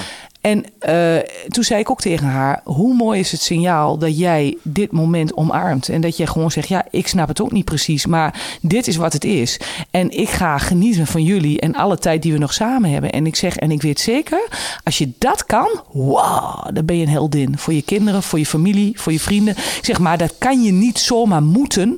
Ik zeg maar, het kan wel iets zijn waarvan je denkt: nou, misschien krijg ik dat nog. En daar kan je ook om vragen, bijna. Ja. En eh, nou ja, ze ging nog best wel verdrietig en boos weg. Daarna heb ik met de organisatie gepraat en gevraagd of ik haar mailadres kon krijgen. Ik heb haar wat dingen gemaild waarvan ik dacht dat waar zij misschien iets had, aan had. Een boek, een inspiratiefilmpje. En ook gezegd, time dit maar goed. Want misschien was het wel een beetje veel voor haar. En was het, uh, want wie ben ik om dat te zeggen? Want ik heb het gevoel dat ik nog wel wat meer dagen had dan dat zij heeft. Maar ja, voor hetzelfde geld rijd ik naar huis en ben ik er niet meer. Want dat weten we allemaal helemaal niet. En uh, dan had ik weer een bijeenkomst.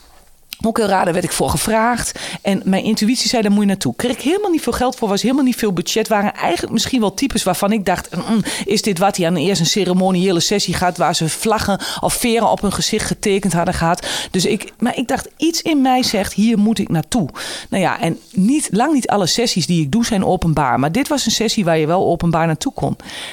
En toen ik wegliep, toen zag ik daar in die tent, het was een prachtsessie met allemaal vrouwen. Dat soort dingen komen allemaal de vrouwen altijd op af. Mm.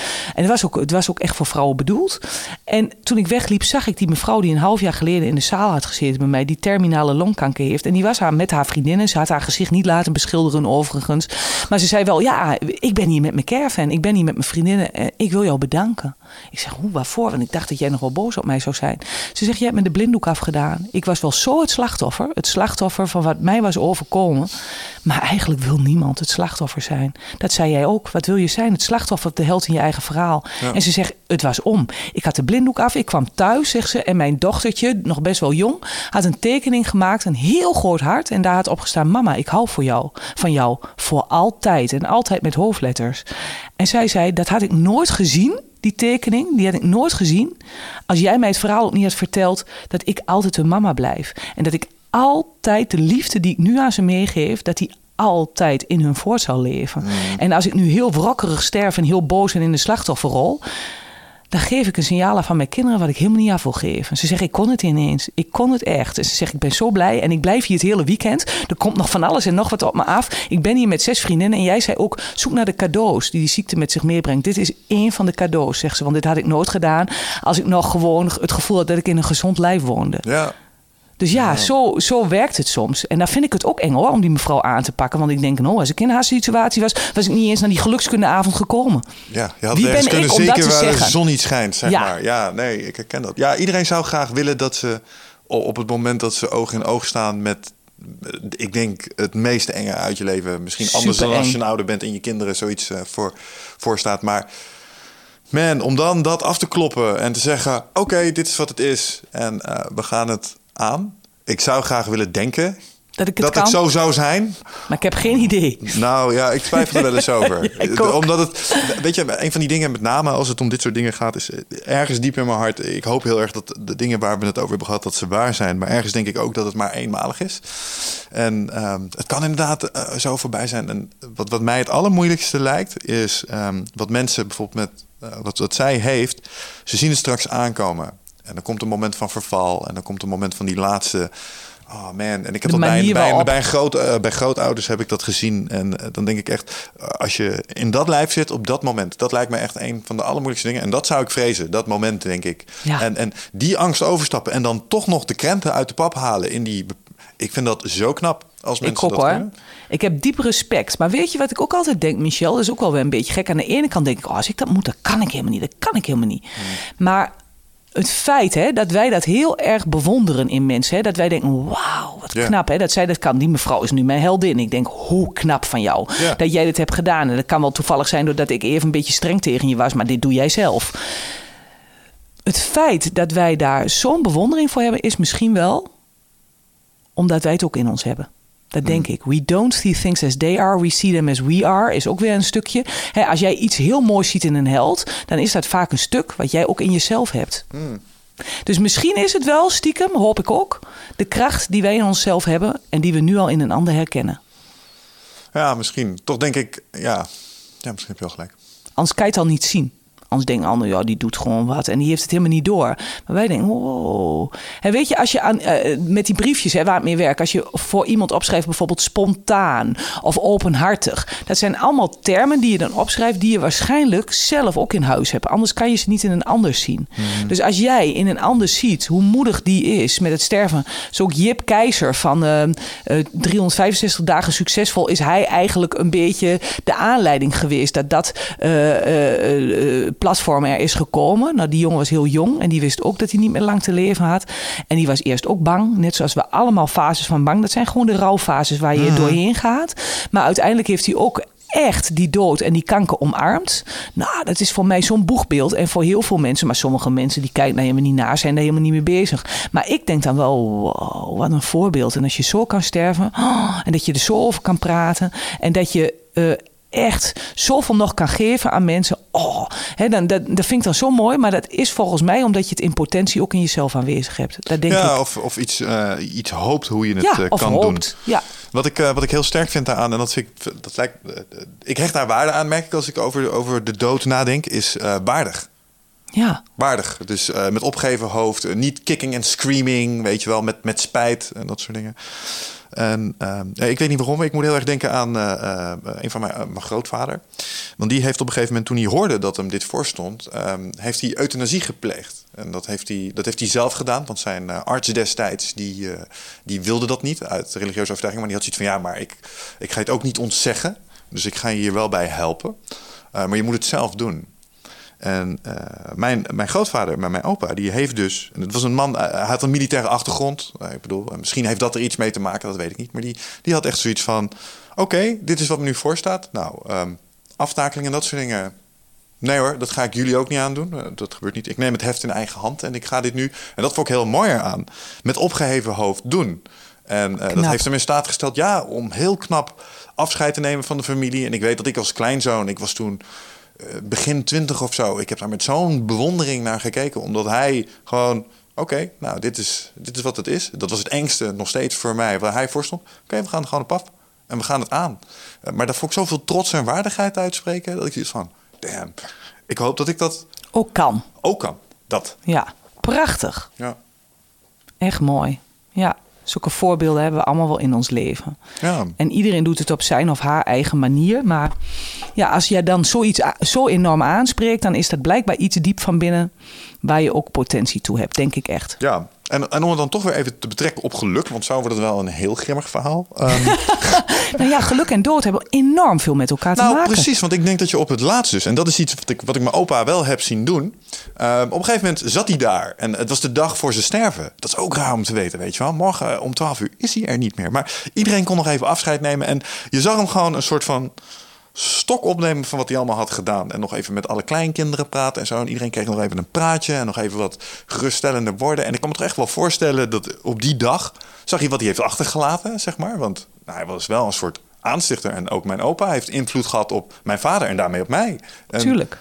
Ik denk dat hij, dat hij uh, al met al uh, dat hij naar daar heeft gekeken en dacht van... Ook trots was. Ja, en dat dat ook een stukje uh, geluk is um, in de zin van ik heb iets bereikt in het leven. En misschien Mooi. gaan die dingen ook wel heel erg hand in hand. Zeker, dat denk ik ook. En, en wat ook mooi is als je over je eigen sterfelijkheid durft na te denken. Want één ding is zeker, we hebben allemaal een retourticket. Vroeg of laat gaan we allemaal retour. We weten Ja. niet helemaal welke datum. Gelukkig maar. Anders wordt het inderdaad een heel grimmig verhaal.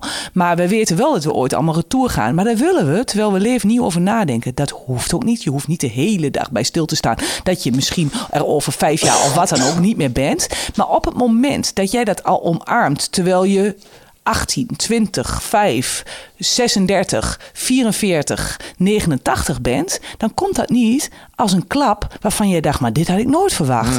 en als je dat omarmt, dat idee dat je ook weer plek gaat maken, zoals Steve Jobs dat zegt, voor de nieuwe generatie, ja, dan eh, hoef je niet zo heel bang te zijn de hele tijd voor die dood, want het is gewoon een vriend van je ook. Want dat is iets, dat is een gegeven hier in dit leven.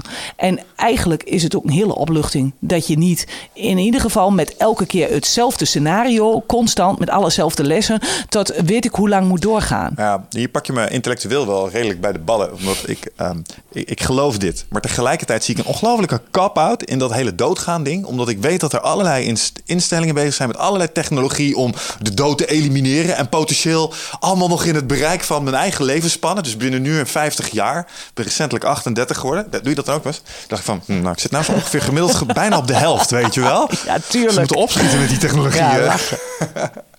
Maar eh, dat vind ik op zich wel, wel een grote kop-out. Terwijl ik tegelijkertijd toch denk, ja, het moet ook zo zijn. Er- Ja. Ergens denk ik op een of ander intuïtief niveau weet ik ook wel dat het een heel slecht idee is om, om je leven tot in het oneindige te verlengen. Want dan. Ik denk dat die dood de beste uitvinding ever is.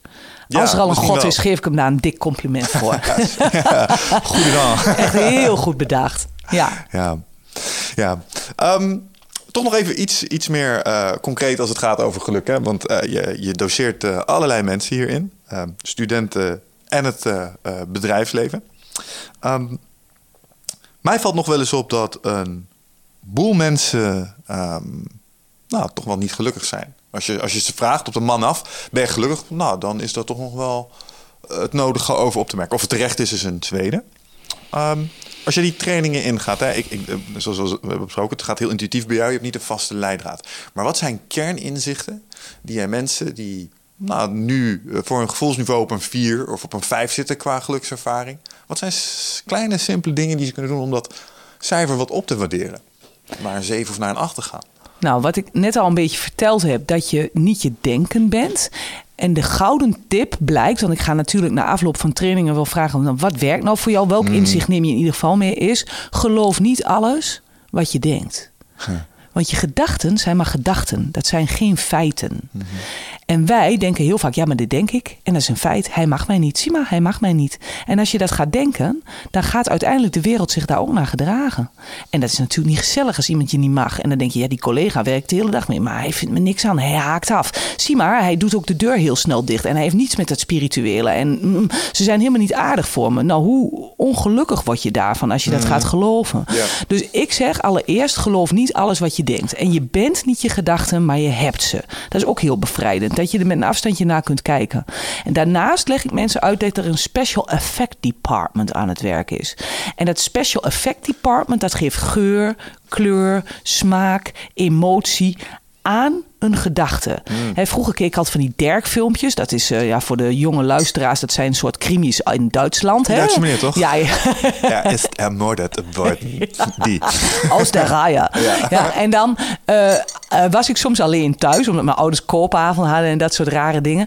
En dan zette ik, want ik was een jaar of acht, de muziek uit. Dan is Dirk niet meer eng. Snap je? Ja. En zo is dat met het Special Effect Department ook. Wij go- gooien over een gedachte die we hebben. Kleur, geur, smaak, emotie. En dan heb je het hele circus compleet. Dus mijn tip is, geloof niet alles wat je denkt. En als je dat wel wilt, hè, omdat je denkt... ja, maar dit is nou helemaal de waarheid en hier voel ik me lekker bij en dat vind ik leuk. Kijk, als we verliefd zijn, vinden we dat heerlijk om alles te geloven wat we ja. denken. Vinden we onszelf ineens weer helemaal geweldig. Maar als het je gaat dwarsbomen, wees dan eens te waarnemen. Ga van een afstandje kijken. En ehm, eh, neem eens wat afstand van alles wat je denkt. En ga eens bedenken dat jij eigenlijk jouw eigen wereld creëert. Want dat wat uiteindelijk op het witte doek verschijnt, doe jij zelf. Hè, door wat, wat er in jouw binnenwereld zich afspeelt, ja, daar zie je allemaal projecties van in je buitenwereld. Als jij zou denken, ah, maar die Michel die is helemaal niet succesvol en mensen interviewen, ach joh, ik ben er helemaal niet zo slim in en niet zo goed in. En, nou, dan denk ik nooit dat je dit uit de grond hebt gestampt. Op een gegeven moment heb je gewoon gedacht, oh, lullen als brugman, dat is ongeveer een beroep van mij. En goede vragen stellen en lekker kritisch zijn, dat kan ik ook. Ah, je moet een beetje geloven in je eigen leugens. Ja. Zo is het. En dan uiteindelijk komt er zomaar ineens iets, hè, een podcast uit die zo'n beetje het best beluisterd van Nederland is. Hmm. Ja, en eh, dat heeft wel te maken met ergens een geloof in iets. En als jij dat nooit geloofd had en jij dacht, ja, ik ben toch niet zo goed in, ik, wat kan ik nou eigenlijk? En ik heb commerciële economie gestudeerd, die kant moet ik toch echt op. En weet je, daar beperk je jezelf soms enorm. Dus geloof niet alles wat je denkt. En ik denk dat gedachten krachten hebben. Dus dat het ook anders voor je kan werken. Ik geloof dat. Ik denk dat je daar helemaal in gelijk hebt. Ik heb echter wel weer een maar. En dat is, hoe zou iemand die, eh, die aan een depressie lijdt hierover nadenken? Want eh, wat ik weet over depressies is dat die, die, eh, die houding, zeg maar die perceptie... die wordt in sterke mate bij die mensen beïnvloed door eh, een eh, hormonale kermis... die niet aan het doen is wat die zou moeten doen. Ja. Nou ga ik jou even tackelen met hormonale kermis, want ik weet het ook niet zeker hoor. Maar een wetenschap is ook maar een geloof. En er zijn heel veel onderzoeken geweest naar mensen die depressief zijn en wat er dan gebeurt. En sommigen zeggen van inderdaad, dat is hormoonhuishouding in je hoofd, stofjes tekort, te veel, weet ik wat. Maar er zijn nou ook onderzoeken geweest naar mensen die eh, bepaalde chemische stofjes in hun hoofd hebben. Dat kunnen ze meten. Andere mensen hebben ook die chemische stofjes waarvan wij denken, daar is iets tekort. Dus je zou al haast in een depressie kunnen schieten. Ja? Maar eh, die ene mens heeft nergens last van en is gewoon blij en gelukkig en scoort een 8 op de index van geluk. Terwijl die chemische stofjes tekort komt in onze visie van wat uit het vorige wetenschappelijk onderzoek komt. En de ander heeft enorm veel last.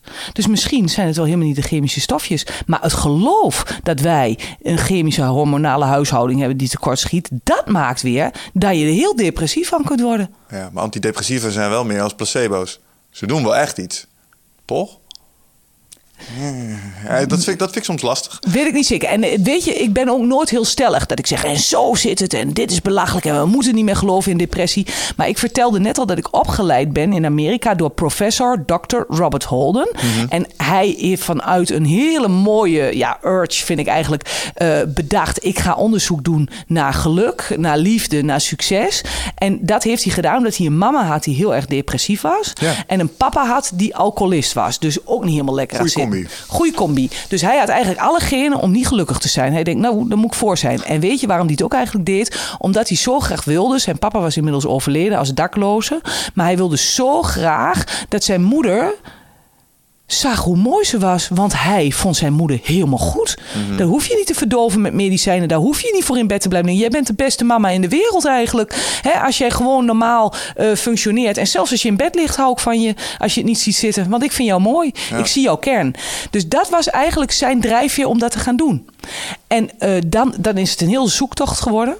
En uiteindelijk heeft hij gewoon wat kleine dingen ontdekt. die hij aan psychologen, psychiaters en eh, rare gelukskundige juffen doseert.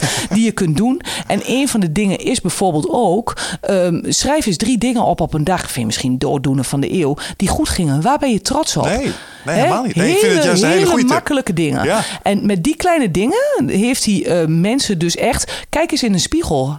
Bouw eens een vriendschappelijke relatie op met dat wat je ziet in de spiegel. Ik hou van mezelf, ik waardeer mezelf. Vraag eens in die spiegel wat je nodig hebt vandaag. Ik wil eigenlijk een arm om de schouder van mijn vader. Dat soort dingen vragen. En dan kan je wel denken, ja, maar mijn vader is overleden, dat kan niet meer. Maar als nou alles energie is, dan kan die vader misschien nog best wel een armpje eromheen leggen.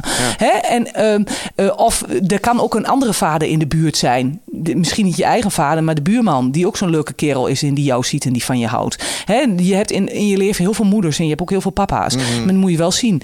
En dat soort dingen deed hij. Heel erg makkelijke dingen met mensen. Die mensen zijn echt gevolgd in een wetenschappelijk onderzoek. En dan blijkt dat een bepaald deel in de hersenen, in je rechter hersenhelft, meer door bloed raakt. En die mensen voelen zich ook veel fijner. Dat kan ook nog weer een beetje subjectief zijn. Van ja, ze hebben aandacht gekregen, ze hebben wat oefeningetjes gedaan. En die mensen zijn ook langer gevolgd. En er is echt een gebied in die hersenen wat meer door bloed raakt zonder antidepressiva. Hij is wel slim hoor, want hij zegt niet van jongens, we zitten hier op een cursus. Er zullen ook mensen bij zijn die zijn huisarts. Zeg nooit tegen jouw eh, cliënten van geen antidepressiva ineens meer nemen. Dat echt niet. Maar wel van hey, hebben we het wel echt nodig? En kunnen we het misschien ook op een andere manier? Durven we het misschien een beetje af te bouwen? Nou, ik denk dat wat je, wat je hier benoemt, dat dat, eh, dat, dat echt eh, waarde heeft. En dat eh, er zijn ook onderzoeken gedaan naar bijvoorbeeld dankbaarheid. Dankbaarheid Ja. vind ik een heel mooi voorbeeld. Het schijnt dat als jij eh, dankbaarheid weet te betrachten voor kleine dingen gedurende je leven. En ehm, hoe zou je dat kunnen doen? Door bijvoorbeeld drie leuke dingen op te schrijven. Dat noemen ze ook wel een happiness journal. Ja.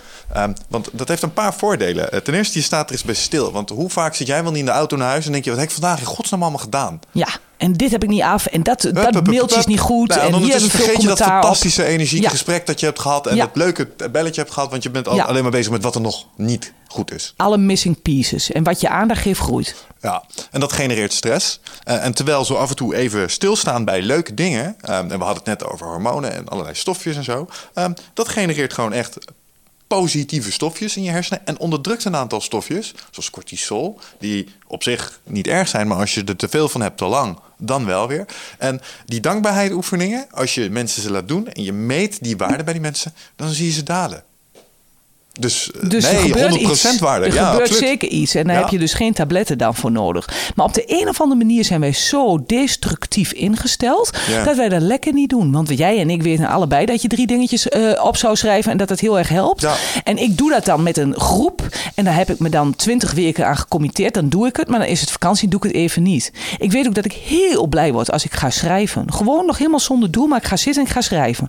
En dan ontstaan de mooiste dingen waar mensen mij voor bedanken... en zeggen van mooi mooi. Dit is precies wat ik nu even nodig had, dit verhaal. Maar wat doe ik in de vakantie? Nou, ik heb geen tijd, hè. Ik moet even in de zon liggen en die kast moet ook opgeruimd worden. En weet je wat ik ook moet? Ik moet ook even een beetje aandacht investeren in mijn kinderen. Ik doe allemaal dingen en dat is ook goed. En daar word ik ook wel blij Het van. klinkt alsof je gewoon een echt leven hebt. Ja, ik heb gewoon een echt leven. ja. Ja, maar ik, ik heb nu wel bedacht deze vakantie... hoe ben ik bezig met mijn eigen geluk te saboteren. Want waarom heb ik niet meer geschreven? Dat is het lekkerste wat ik vind. En ik zeg altijd door de week als ik werk... dat ik daar niet zoveel tijd voor heb. Maar dat kan ik pas doen als ik vakantie heb. En nou heb ik vakantie, doe ik het stiekem toch niet. Ja. Op de een of andere manier vindt Karel dat niet fijn. Karel is de stem in je hoofd, de stem van je ego. En weet je wat hij wil? Die wil controle. En weet je wat hij wil? Die wil vooral jou niet in de gelukstoestand, niet in de flow. En weet je waarom niet? Omdat hij dan werkloos op de bank zit. En daar baalt hij van. Ja, ja.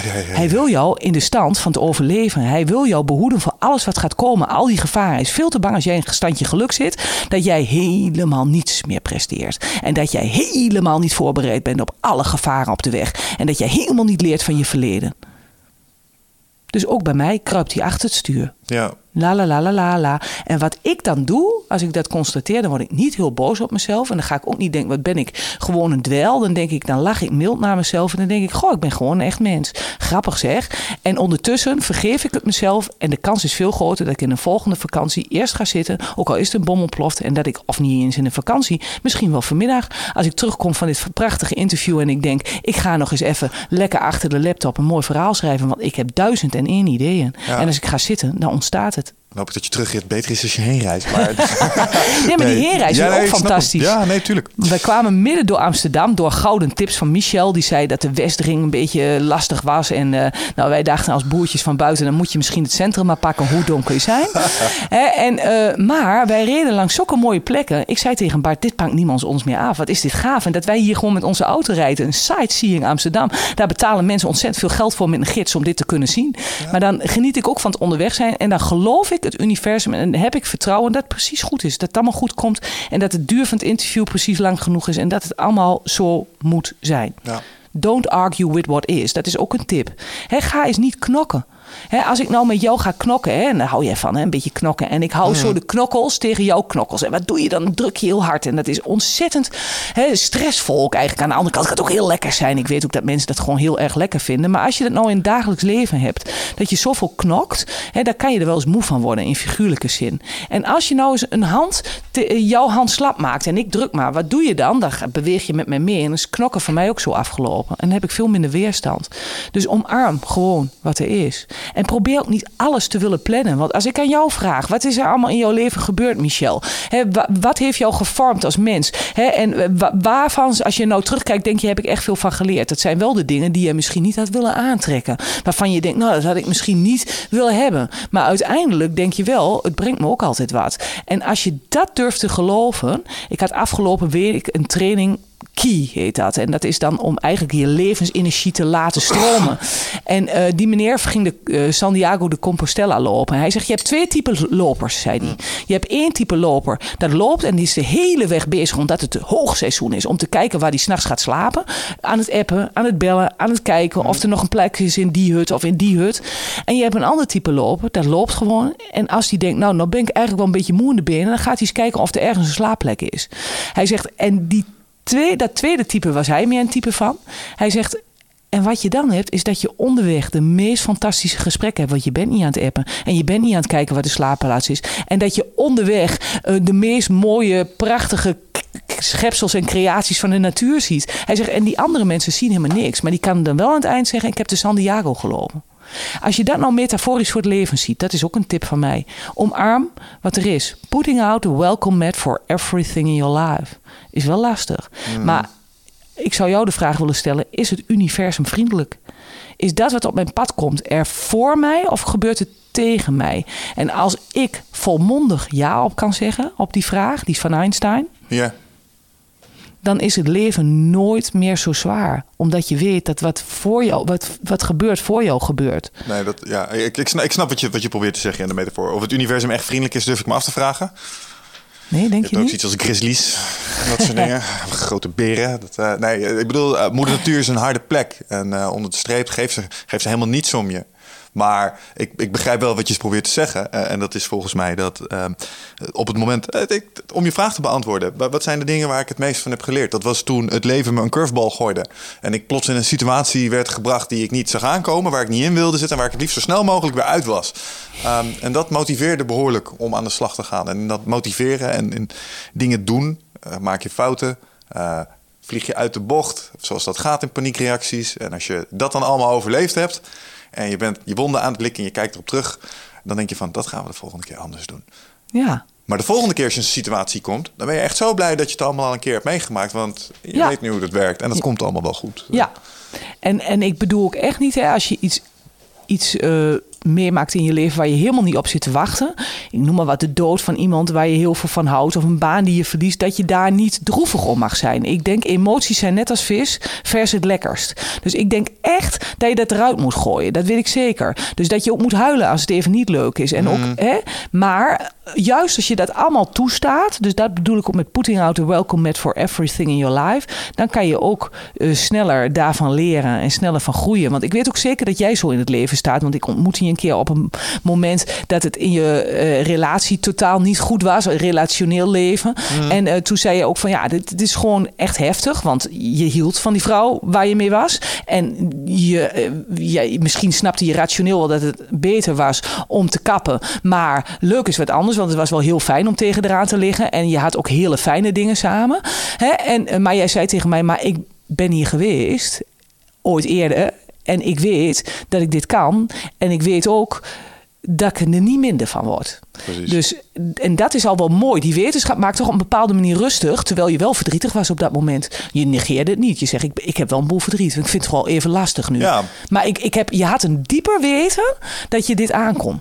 Ja, ik denk dat dat ook komt. Ehm, en misschien is dat ook wel iets na, naarmate je iets ouder komt, eh, omdat je iets ouder wordt, dat het. ehm, vroeger vond ik eh liefdesverdriet hebben voor een beetje een afgang. Oké. Vond, ik, vond ik heel zwak overkomen, weet je wel? Als je Ja. daar geen. eh, Oh, dat, daar word je toch niet door geraakt en dat soort dingen. En eh, sowieso, het falen, eh, of een relatie afbreken was falen, want je had het niet gered in je relatie. En dat was. en ik merk dat naarmate je ouder wordt, dat je. ehm, want waar, waar komen die gedachten vandaan? Dat is precies waar jij het over had. Dat is eh, in jouw geval dan Karel, eh, de linkerkant, die daar van allerlei dingen van vindt. En wat zal de omgeving wel niet van je vinden nu? Je bent weer, eh, weet je, en die dingen. Schaamte, schuld. Ja, en wat ik, wat ik in, in deze iteratie, om het dan maar zo te noemen, heel erg heb geleerd, is om daar veel minder in mee te gaan. Dus die eh, veroordeling op jezelf. Natuurlijk, het zit er wel. En er zit wel een stukje. Ik heb hier zelfs in een, eh, in een podcast eh, met iemand anders zei ik dan van ja, het is weer mislukt. Weet je wel, daar zit ook al een soort van oordeel Ja, in eigenlijk. Maar tegelijkertijd wist ik wel van ja, maar het is, ehm, het is met, een, met een reden geweest en het is oké. En voor de, volgende, voor de volgende stap ja, moet dit nu gedaan worden. En het is helemaal niet erg dat je zo af en toe even dit soort gevoelens erbij hebt of zo'n Ja. idee erbij hebt. Laat mag dat- er zijn. Laat dat gewoon gaan. Ja. En inderdaad, als je het even de ruimte geeft. Is ehm, snelle weg daarna. dat is het dus. Want wat ik vroeger had, en dan drukte je het weg. En dan stak het maanden later de kop ineens Ja. op. En dan had je een moeilijke emotionele uitbarsting. Ja. Ehm, en nu door er gewoon even bij te zijn. Ja, deze break-up. Ik, eh, dag één, zeg maar als een klein kind in de foetushouding huilend op de grond. Ja. Maar doe het nou maar gewoon. Want het gaat toch gebeuren. En Ja. Embrace it, denk Ja. ik dan altijd. En dan gaat het des te sneller eh, gaat ook weer over. Want what you eh, persist, resist. Dat denk ik ook. Bovendien, weet je wat het ook is met al die... ehm, met, met tegenslagen in het leven? Ehm, ja, het is als een... eh, eh, het, het is denk ik ook een beetje als een achtbaan. Highs en lows. En anders is het ritje natuurlijk ook niet leuk. Want als het alle dagen de zon schijnt, ja... Dat is heel goed. Dat is een mooie metafoor. Ik denk dat we hier ook allemaal in een soort eh, achtbaan zitten. En dat vinden we heel lekker. Net zoals die hond heel graag de kop uit het raam steekt. En ook soms vliegjes in, in de ogen krijgt. En soms heb je ritjes waarvan je denkt... nou, nou heb ik echt een emmetje nodig. Ik moet spugen. Wat is dit misselijkmakend? Maar soms zit je op de top en krijg je die kriebels in je buik... en steek je de handen omhoog en denk je... Wow, ik leef echt. En dat is de dualiteit die je hier meemaakt. En stiekem vinden we eigenlijk ook dat kotsbakje lekker. Hoe gek zijn we? Omdat dat maakt dat je daarna dat hoogtepunt weer heel erg kunt waarderen. Ja, daar heb ik, eh, dat vind ik wel een mooie om nog even een vraag over te stellen. Sommige mensen, ik, eh, ben met je eens, hè, soms is eh, zeg maar even lekker afzien, is soms best wel fijn. En eh, het, het opzoeken, en misschien dat sommige mensen zelfs ook wel zich afvragen, is dat wel helemaal normaal? Zeg maar, dat, mij spreekt dat soms aan, eh, dat deel ik helemaal met je. Maar er lijkt ook een type mens te zijn dat echt alleen gelukkig is als ze ongelukkig zijn. Ken je dat soort mensen? Ja. Wat is dat?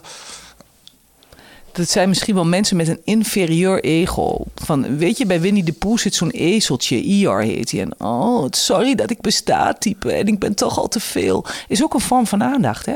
Het is een vorm van aandacht en het is een rol die ze dan graag spelen. Maar eigenlijk denk ik dat niemand die rol graag speelt. Maar het is een rol die ze zichzelf hebben aangenomen. Omdat ze denken, ja, ik ben toch niet die strong guy. Dus dat kan ik nooit zijn. Dus dan ga ik maar in de Iar-rol en dan ben ik zielig en dan krijg ik ook aandacht. Misschien is dat het wel. Je hebt ego's die zijn superieur en die, die schreeuwen en die doen alsof ze de wereld aankunnen. En diep van binnen zijn ze eigenlijk ook onzeker. Maar een ego kan zich ook manifesteren als inferieur, als, als zielig, als ongelukkig, als mij zit alles tegen. En ook daar geldt weer dat je mensen hebt die precies hetzelfde meemaken als die personen die denken dat ze helemaal ongelukkig moeten zijn door wat ze meemaken. Maar het gaat erom, hoe ga je ermee om? Hoe sta je erin? Denk je nog steeds dat het universum vriendelijk is en dat wat er gebeurt voor jou gebeurt? Of denk jij van jongens, het wordt me hier allemaal tegengewerkt. Ik kan niet meer. Het leven is verschrikkelijk. Het is hard. Ik heb echt mensen bij mij in workshops die heel graag die rol aannemen. Ja. Die gewoon liever ongelukkig zijn dan gelukkig. Dat denken ze tenminste, want dat is een veilige rol geworden. En die eigenlijk heel erg nou ja, boos zijn dat ik zeg dat ook in hun geluk en liefde woont. Maar dat je even naar die plek toe moet gaan. Maar dan moet je daar wel dat andere plekje op durven te geven. Dat is zo buiten hun comfortzone geworden. Dat ze bijna zegt tegen mij, maar weet je wel wat er met mij aan de hand is? Laatst was er ook een keer een mevrouw in een training bij mij. Zegt ze, weet je wat ik met jou wil doen? Ik wil jou graag even op uitzetten. Tegen jou. Dus tegen mij, zo boos op mij. Ik zeg, waarom? Ik zeg, goh. En toen zei ze tegen mij van... Ja, gewoon omdat ik je heel irritant vind. En alles wat je zegt, daar geloof ik niets van. En toen zei ik tegen haar, wat vervelend dat jij hier van je baas moet zitten of niet. Ik zeg, en toch zul je dit af gaan maken. Want anders heb je misschien daar een conflict mee. Want jouw baas heeft bedacht dat het goed is voor jouw team. Toen keek ze me aan. Ik zeg, waar ben jij bang voor? Toen schrok ze heel erg. Ik zeg, er zit angst onder. Ik weet het zeker, deze bozigheid, daar zit angst onder. Ik zeg tegen haar van, ik ben hier echt niet om jou te kwetsen of om jou te raken, maar ga het eens onderzoeken. Het tweede deel na de pauze, ga eens onderzoeken waar zit de angst. Daarna kreeg ze, toen het afgelopen was, ook nog een telefoontje van iemand anders. En toen ze wegging, vond ik heel knap van haar. Toen zei ze tegen mij, je had wel gelijk. Ik ben heel bang. Bang voor emoties. Bang omdat ik misschien ga huilen waar mijn collega's bij zijn. Jij raakt mij heel erg diep. Eigenlijk raakte je mij in de ziel. En daar wil ik op mijn werk niet zijn. Ja. Dus dat, en, en zij zegt ook, en ik heb zoveel meegemaakt. Op dat moment was mijn zwager stervende. Die had een hersentumor. En ik kwam voordat ik die training gaf weg bij hem. Ik was in het ziekenhuis geweest bij hem. En ik doe altijd wat er op dat moment speelt. Dus ik vertelde dat ik nog een beetje van slag was. Omdat ik bij Erik was geweest. Maar ik zeg, hij heeft er minder last van nu dan ik. Erik is mijn zwager. En ehm, ja, hij is inmiddels overleden. Maar zij had ook iemand in haar omgeving met een hersentumor. Dus dat waren allemaal dingen. Daarom wilde ze mij op uitzetten. Het kwam te dichtbij. Ja. ja, als je het zo zegt. ehm, het doet me denken aan, aan, aan twee quotes. Eén van, eh, nou eigenlijk één. Wees aardig tegen onvriendelijke mensen, want ze hebben het het hardst nodig. Weet je wel, iedereen vecht en strijdt waar jij niks van weet. En Ja. daardoor doen ze misschien dingen die je niet snapt. Het is alleen, eh, ik, ik vraag ernaar omdat ik soms ook dit soort mensen tegenkom. En eh, het, is, eh, het is een beetje mijn kryptoniet in de zin van... ik vind dat een heel moeilijk profiel om eh, mee te werken. En ik ben altijd een beetje zoekende naar hoe je die mensen nou... Ja, uit, uit die modus krijgt. Ja. Hè, hoe je ze, want de extern is dat bijna niet te fixen. Je kan er wel naast gaan staan en ze opzwepen... en een stukje mee op pad, maar zodra je weg bent... Ja, is heel lastig. ja, Ja, eigenlijk denk ik dan, ja, ik gun die mensen hun proces, maar ik ben wel altijd liefdevol en aardig tegen ze. Want dat zij boos op mij worden, mijn ego heeft dan bijna de neiging om te denken, ik sta hier kwetsbaar te zijn, ik doe mijn best en jij zegt gewoon, ik wil je op uitzetten. Waar haal je het brutale lef vandaan? Maar dan adem ik, en ook helemaal omdat je daar professioneel aan het trainen bent, kan je natuurlijk niet helemaal uit de panty gaan tegen zo'n mevrouw. Maar eigenlijk voel ik mij aangevallen. Maar dan denk ik, Mirjam, doe lief tegen haar, want zij heeft inderdaad het hardst nodig. En daarna was ze ook heel aardig tegen mij omdat ze zag dat ik wel echt ook liefde voor haar voelde. En ook zag dat er eigenlijk een bang iemand onder zat. Misschien wel bang om gelukkig te zijn. Want dat is helemaal niet wat ze gewend is. En bang om de controle te verliezen.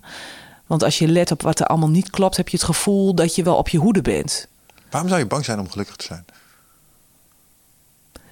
Volgens mij inderdaad, omdat je dan denkt: ja, maar ben ik dan nog wel alert genoeg?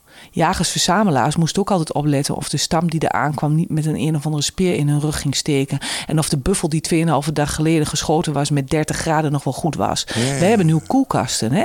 Dus wij kunnen ook echt wel een beetje aan de houdbaarheidsdatum zitten. Of je dat saladetje of dat visje nog wel moet opeten. Maar dat wist je vroeger niet. Dus je was heel erg ingesteld op de gevaren. Want je wilde overleven. Want we zijn jagers, hè? we willen voortplanten. Dus we willen overleven. En als je gelukkig bent, misschien denk je dan wel dat je in een modus komt dat je niet alert genoeg bent. En dat je de gevaren niet ziet. En dat je zomaar een vrouw in je leven naar binnen haalt die op jouw geld uit is en helemaal niet op jouw liefde. Ja, ja, ja. ja. Misschien zit dat erachter, dat je denkt dat je niet meer op je hoede bent. Het is ook wel een oud iets in onze genen misschien, dat overleven. Ja, sowieso denk ik, denk ik dat, ehm, eh, dat, er, dat er links en rechts nog wel wat stukjes eh, oude programmeercode in ons rondzwerven. Die onze geluksperceptie zo af en toe heel erg eh, naar beneden trekken. Een van, van die dingen vind ik ook, als je, als je dit zo vertelt, dan, dan denk ik ook direct aan bijvoorbeeld de mening van anderen. Ja.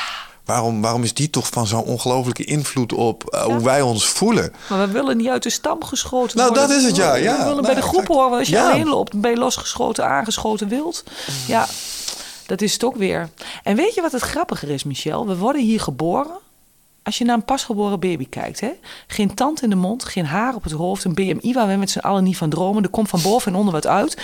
Die baby, die denkt nooit, "Oh, ik ben bij de verkeerde ouders geland. Heeft dit, die hebben deze ouders wel een goed huwelijk? En deze moeder, is die, kan die wel goed voor me zorgen? En ik krijg misschien wel krullen, dat heeft die moeder van mij ook. Ik weet niet of dat wel leuk is. En brede hulp, heupen, ja, dat is helemaal niet meer in tegenwoordig. Moet allemaal twikkie zijn. En eh, hebben ze hier wel genoeg geld? Nee, zo'n baby is compleet in het hier en nu. Krijst als de luier nat is, krijst als die honger heeft. Maar voor de rest alleen maar intuïtie, alleen maar fluisterstemmen, geen karel.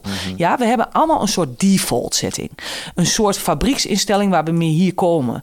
En soms zijn we het even kwijt door allerlei gebeurtenissen die er gebeuren. En wij, wij vormen een ego. En dat ego is misschien ook wel nodig. Nodig om te overleven, nodig om te presteren. Er zijn eh, stromingen die zeggen het is helemaal niet nodig. Onzin, ego kan overboord. Er zijn stromingen die zeggen dat is wel zo, want dan zetten we wat neer. Dan overleven we. Hè? Nou, maakt niet zoveel uit of het wel of niet nodig is. Maar ik werk met mensen die erge dingen meemaken in hun leven. Of ze nou naar de yoga zijn gegaan. Of ze nou gemediteerd hebben. Of ze nou 2600 uur psychiatrische hulp. Hoeveel zelfhulpboeken ze hebben gelezen. Of ze... Of je nu wel wat doet of niet wat doet, het maakt niet uit. Vroeg of laat kom je altijd weer in die fabrieksinstelling terecht. Dat je weer herinnert dat je liefde en geluk bent. Dat het iets is wat je meebrengt en dat je dat niet hoeft te zoeken. Maar wij vinden het lekker om te sporten. Wij vinden het lekker om gezond te eten. Wij vinden het lekker om te mediteren. Wigger vindt het lekker om een ayahuasca-sessie erop los te laten. Niks mis mee. Helemaal niet fout. Ik ga niet zeggen dat moet je niet doen. Het kan je sneller bij de default setting brengen. Maar wat, je ook, wat er ook gebeurt, net zoals het app is, het wordt ook weer vloed. Je kan gewoon ook helemaal niks doen. Maar uiteindelijk kom je weer, je, de, de herinnering dat je geluk en liefde bent, komt weer terug. Heel apart. Is echt zo. En als je zegt, eh, eh, ik probeer dat even samen. Wat, wat bedoel je precies als je zegt ehm, dat je geluk en liefde bent eh, in in essentie, zo'n babytje.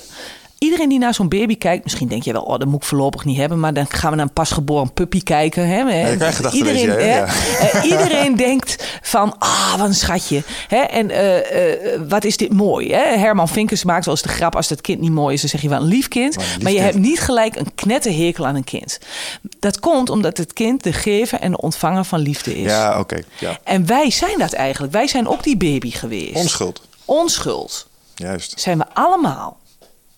Dat is Ja, waar we mee komen. Dat denk ik ook. En, En dat stuk zit er altijd. En gaandeweg verliezen we dat. En denken we van we moeten geld hebben om gelukkig te zijn. We moeten een hoge opleiding afronden om gelukkig te zijn. We moeten veel vrienden verzamelen om gelukkig te zijn. We moeten een mooie auto rijden om gelukkig te zijn.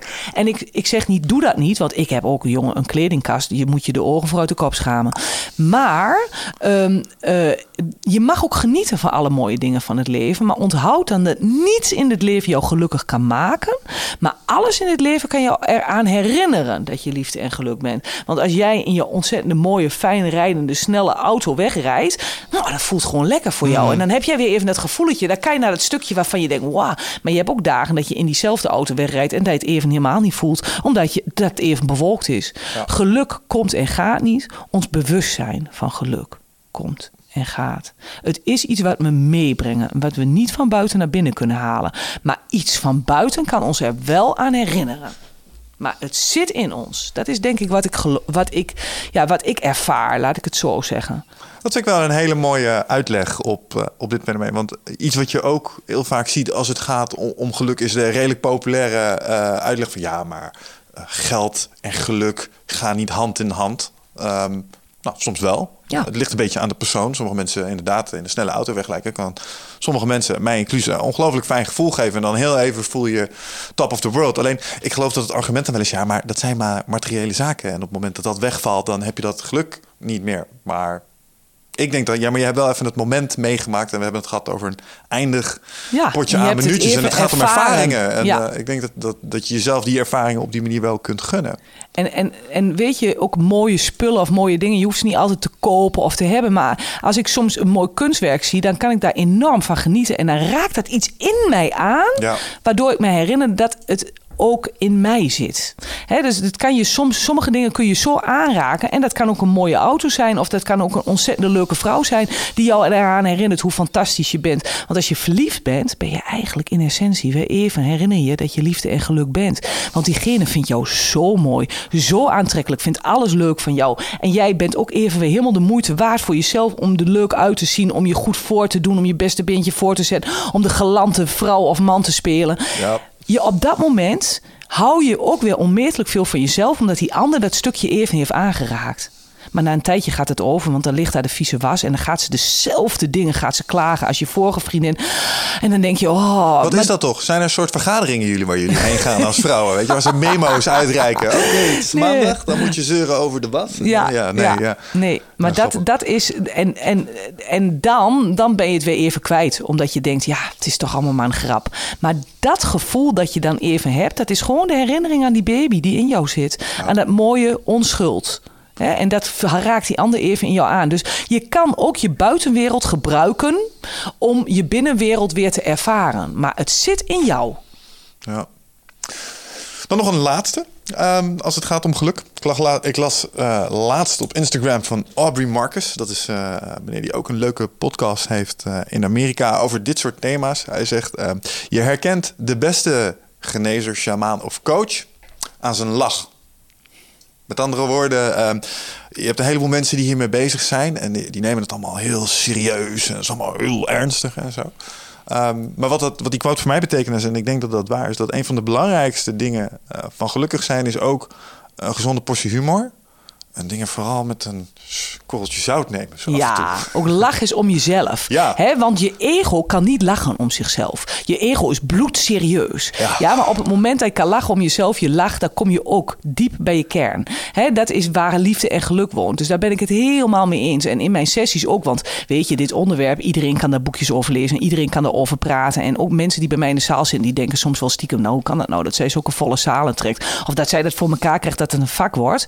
Hè, dat gaat zo van nature makkelijk. Als ik jou zie vechten, zou ik ook denken, ah, dat kan ik misschien ook wel. Maar ja, nou, zet mij op die mat. Je hebt me zo liggen, weet je. Maar omdat het zo soepel gaat, hè, dan heb je soms het idee.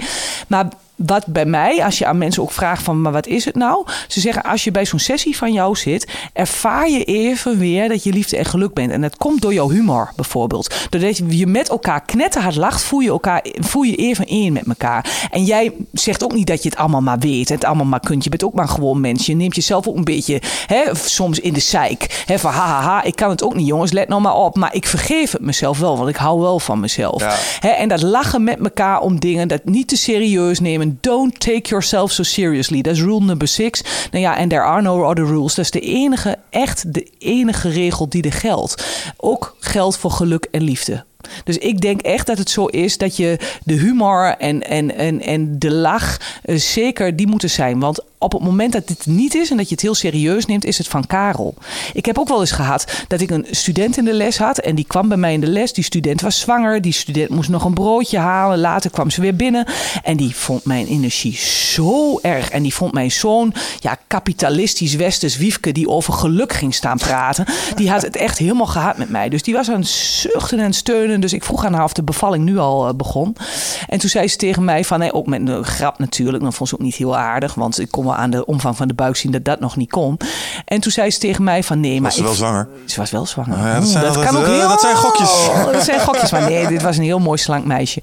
En eh, ze zei tegen mij van ehm, nee, maar ik, ik, ik vind het zo naar, want jij gaat ons vertellen waar geluk en liefde woont. Maar weet je, ik doe aan een hele speciale vorm van yoga en ik, ik weet waar het woont. En op het moment dat zij dat zei, dacht ik, dit is jouw Karel. Die dat zegt. Ja. Jouw ego zegt nou dat jij verlicht bent. Dat is een zogenaamd spiritueel ego. Ik en staan ik zelfs, ja. nog lang, maar dan ook nog lang niet. En toen kon ik ook wel weer boos worden eigenlijk. En mijn eerste reactie is dan ook van, dan kook ik. Dan denk ik, oh wat erg. En jij bent zogenaamd verlicht, maar jij zit met je ego te reageren. Dat heb ik ook. Maar ik heb geleerd om dan te ademen en dan te denken, zie het in liefde. Zij komt niet voor niks op je pad. Dus ik zeg tegen haar, goh, interessant. Welke vorm van yoga doe jij? Daar heb ik nog nooit van gehoord. En je ziet, ik ben heel druk. Misschien heb ik jou nou wel heel hard nodig. Ik zeg, wat zou je ervan vinden om de volgende les te beginnen met een sessie van jou? Ze was helemaal. Alle haar wapens waren weg. En dat hebben we gedaan. En we waren een heel mooi setje samen. Ik er wel elke les bij. Want zij kon iets wat ik niet kon. En ik kan iets wat zij niet kan. En samen hadden we het prachtig. Maar ik heb niet met mijn ego gereageerd. Ik heb in liefde gereageerd. En dan hebben de mensen de wapens uit handen. En dan kan je samen ontzettend mooie kastelen bouwen. Ik weet zeker dat hier ook een hele goede verandermanagementles in zit.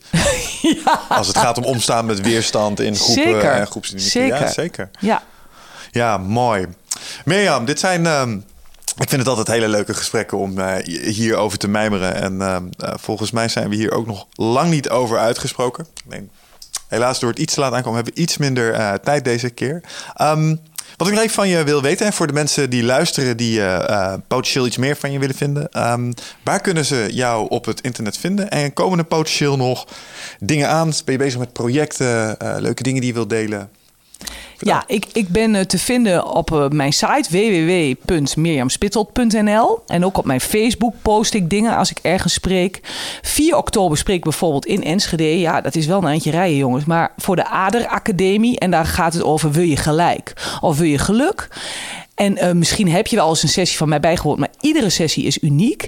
En jouw ego heeft ook absoluut eigenlijk altijd weerstand om nog eens een keer hetzelfde te gaan doen of zo. Dat denkt hij dan. Nou, het wordt niet hetzelfde, sowieso niet altijd anders. En dit is net als bij de Teletubbies nog een keertje, nog een keertje, nog een keertje. Want je kunt je er niet vaak genoeg aan herinneren.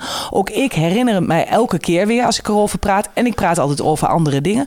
En ik ga ook een, eh, sessie houden over succes, de intelligentie van succes. Dat doe ik 12 september in Amersfoort bij ICM-opleidingen Dat is al iets centraler. Iets centraler in Amersfoort, ja. En eh, nou ja, zo elke keer als ik wat doe, dan zet ik dat inderdaad op mijn site bij Sessie bijwonen of op. eh, op Facebook. En eh, ik schrijf ook blogs. Hè? Ik ga echt, denk ik, vanavond aan de gang. Hè, als ik dat zeg, dan heb ik ook mooi een dwang eh, erachter. Ja, zeg, je uitgesproken. ja, en, d- dus ik zet het op, op mijn site, de blogs. En dan herinner je het ook weer. En ik heb ook allemaal filmpjes die ik daar gedeeld heb. En boeken waar ik wat aan heb. Dus onder inspiratie kan je dat vinden. Onder blogs kan je die dingen vinden.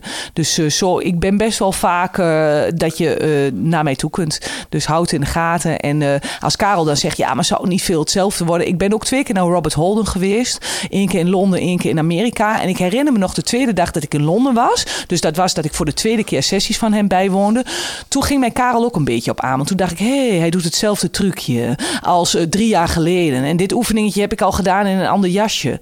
En toen dacht ik, ja, maar wie wil dit nou eigenlijk niet? Want dit moet je zo vaak herhalen, Spitholt. Dit moet je zo vaak herhalen. Eigenlijk heb jij gewoon weerstand, want je wil niet uit die comfortzone. Je wil niet een keer hier doorheen. Doe het maar, meid. Ga het maar doen. En toen ik die weerstand achter had gelaten en ik door had dat Karel eigenlijk aan het mopperen was, toen dacht ik, wat is dit goed? En eigenlijk moet je elke keer weer hieraan herinnerd worden. En dat doe ik ook echt. Ik ga heel vaak ook naar andere mensen om geïnspireerd te raken.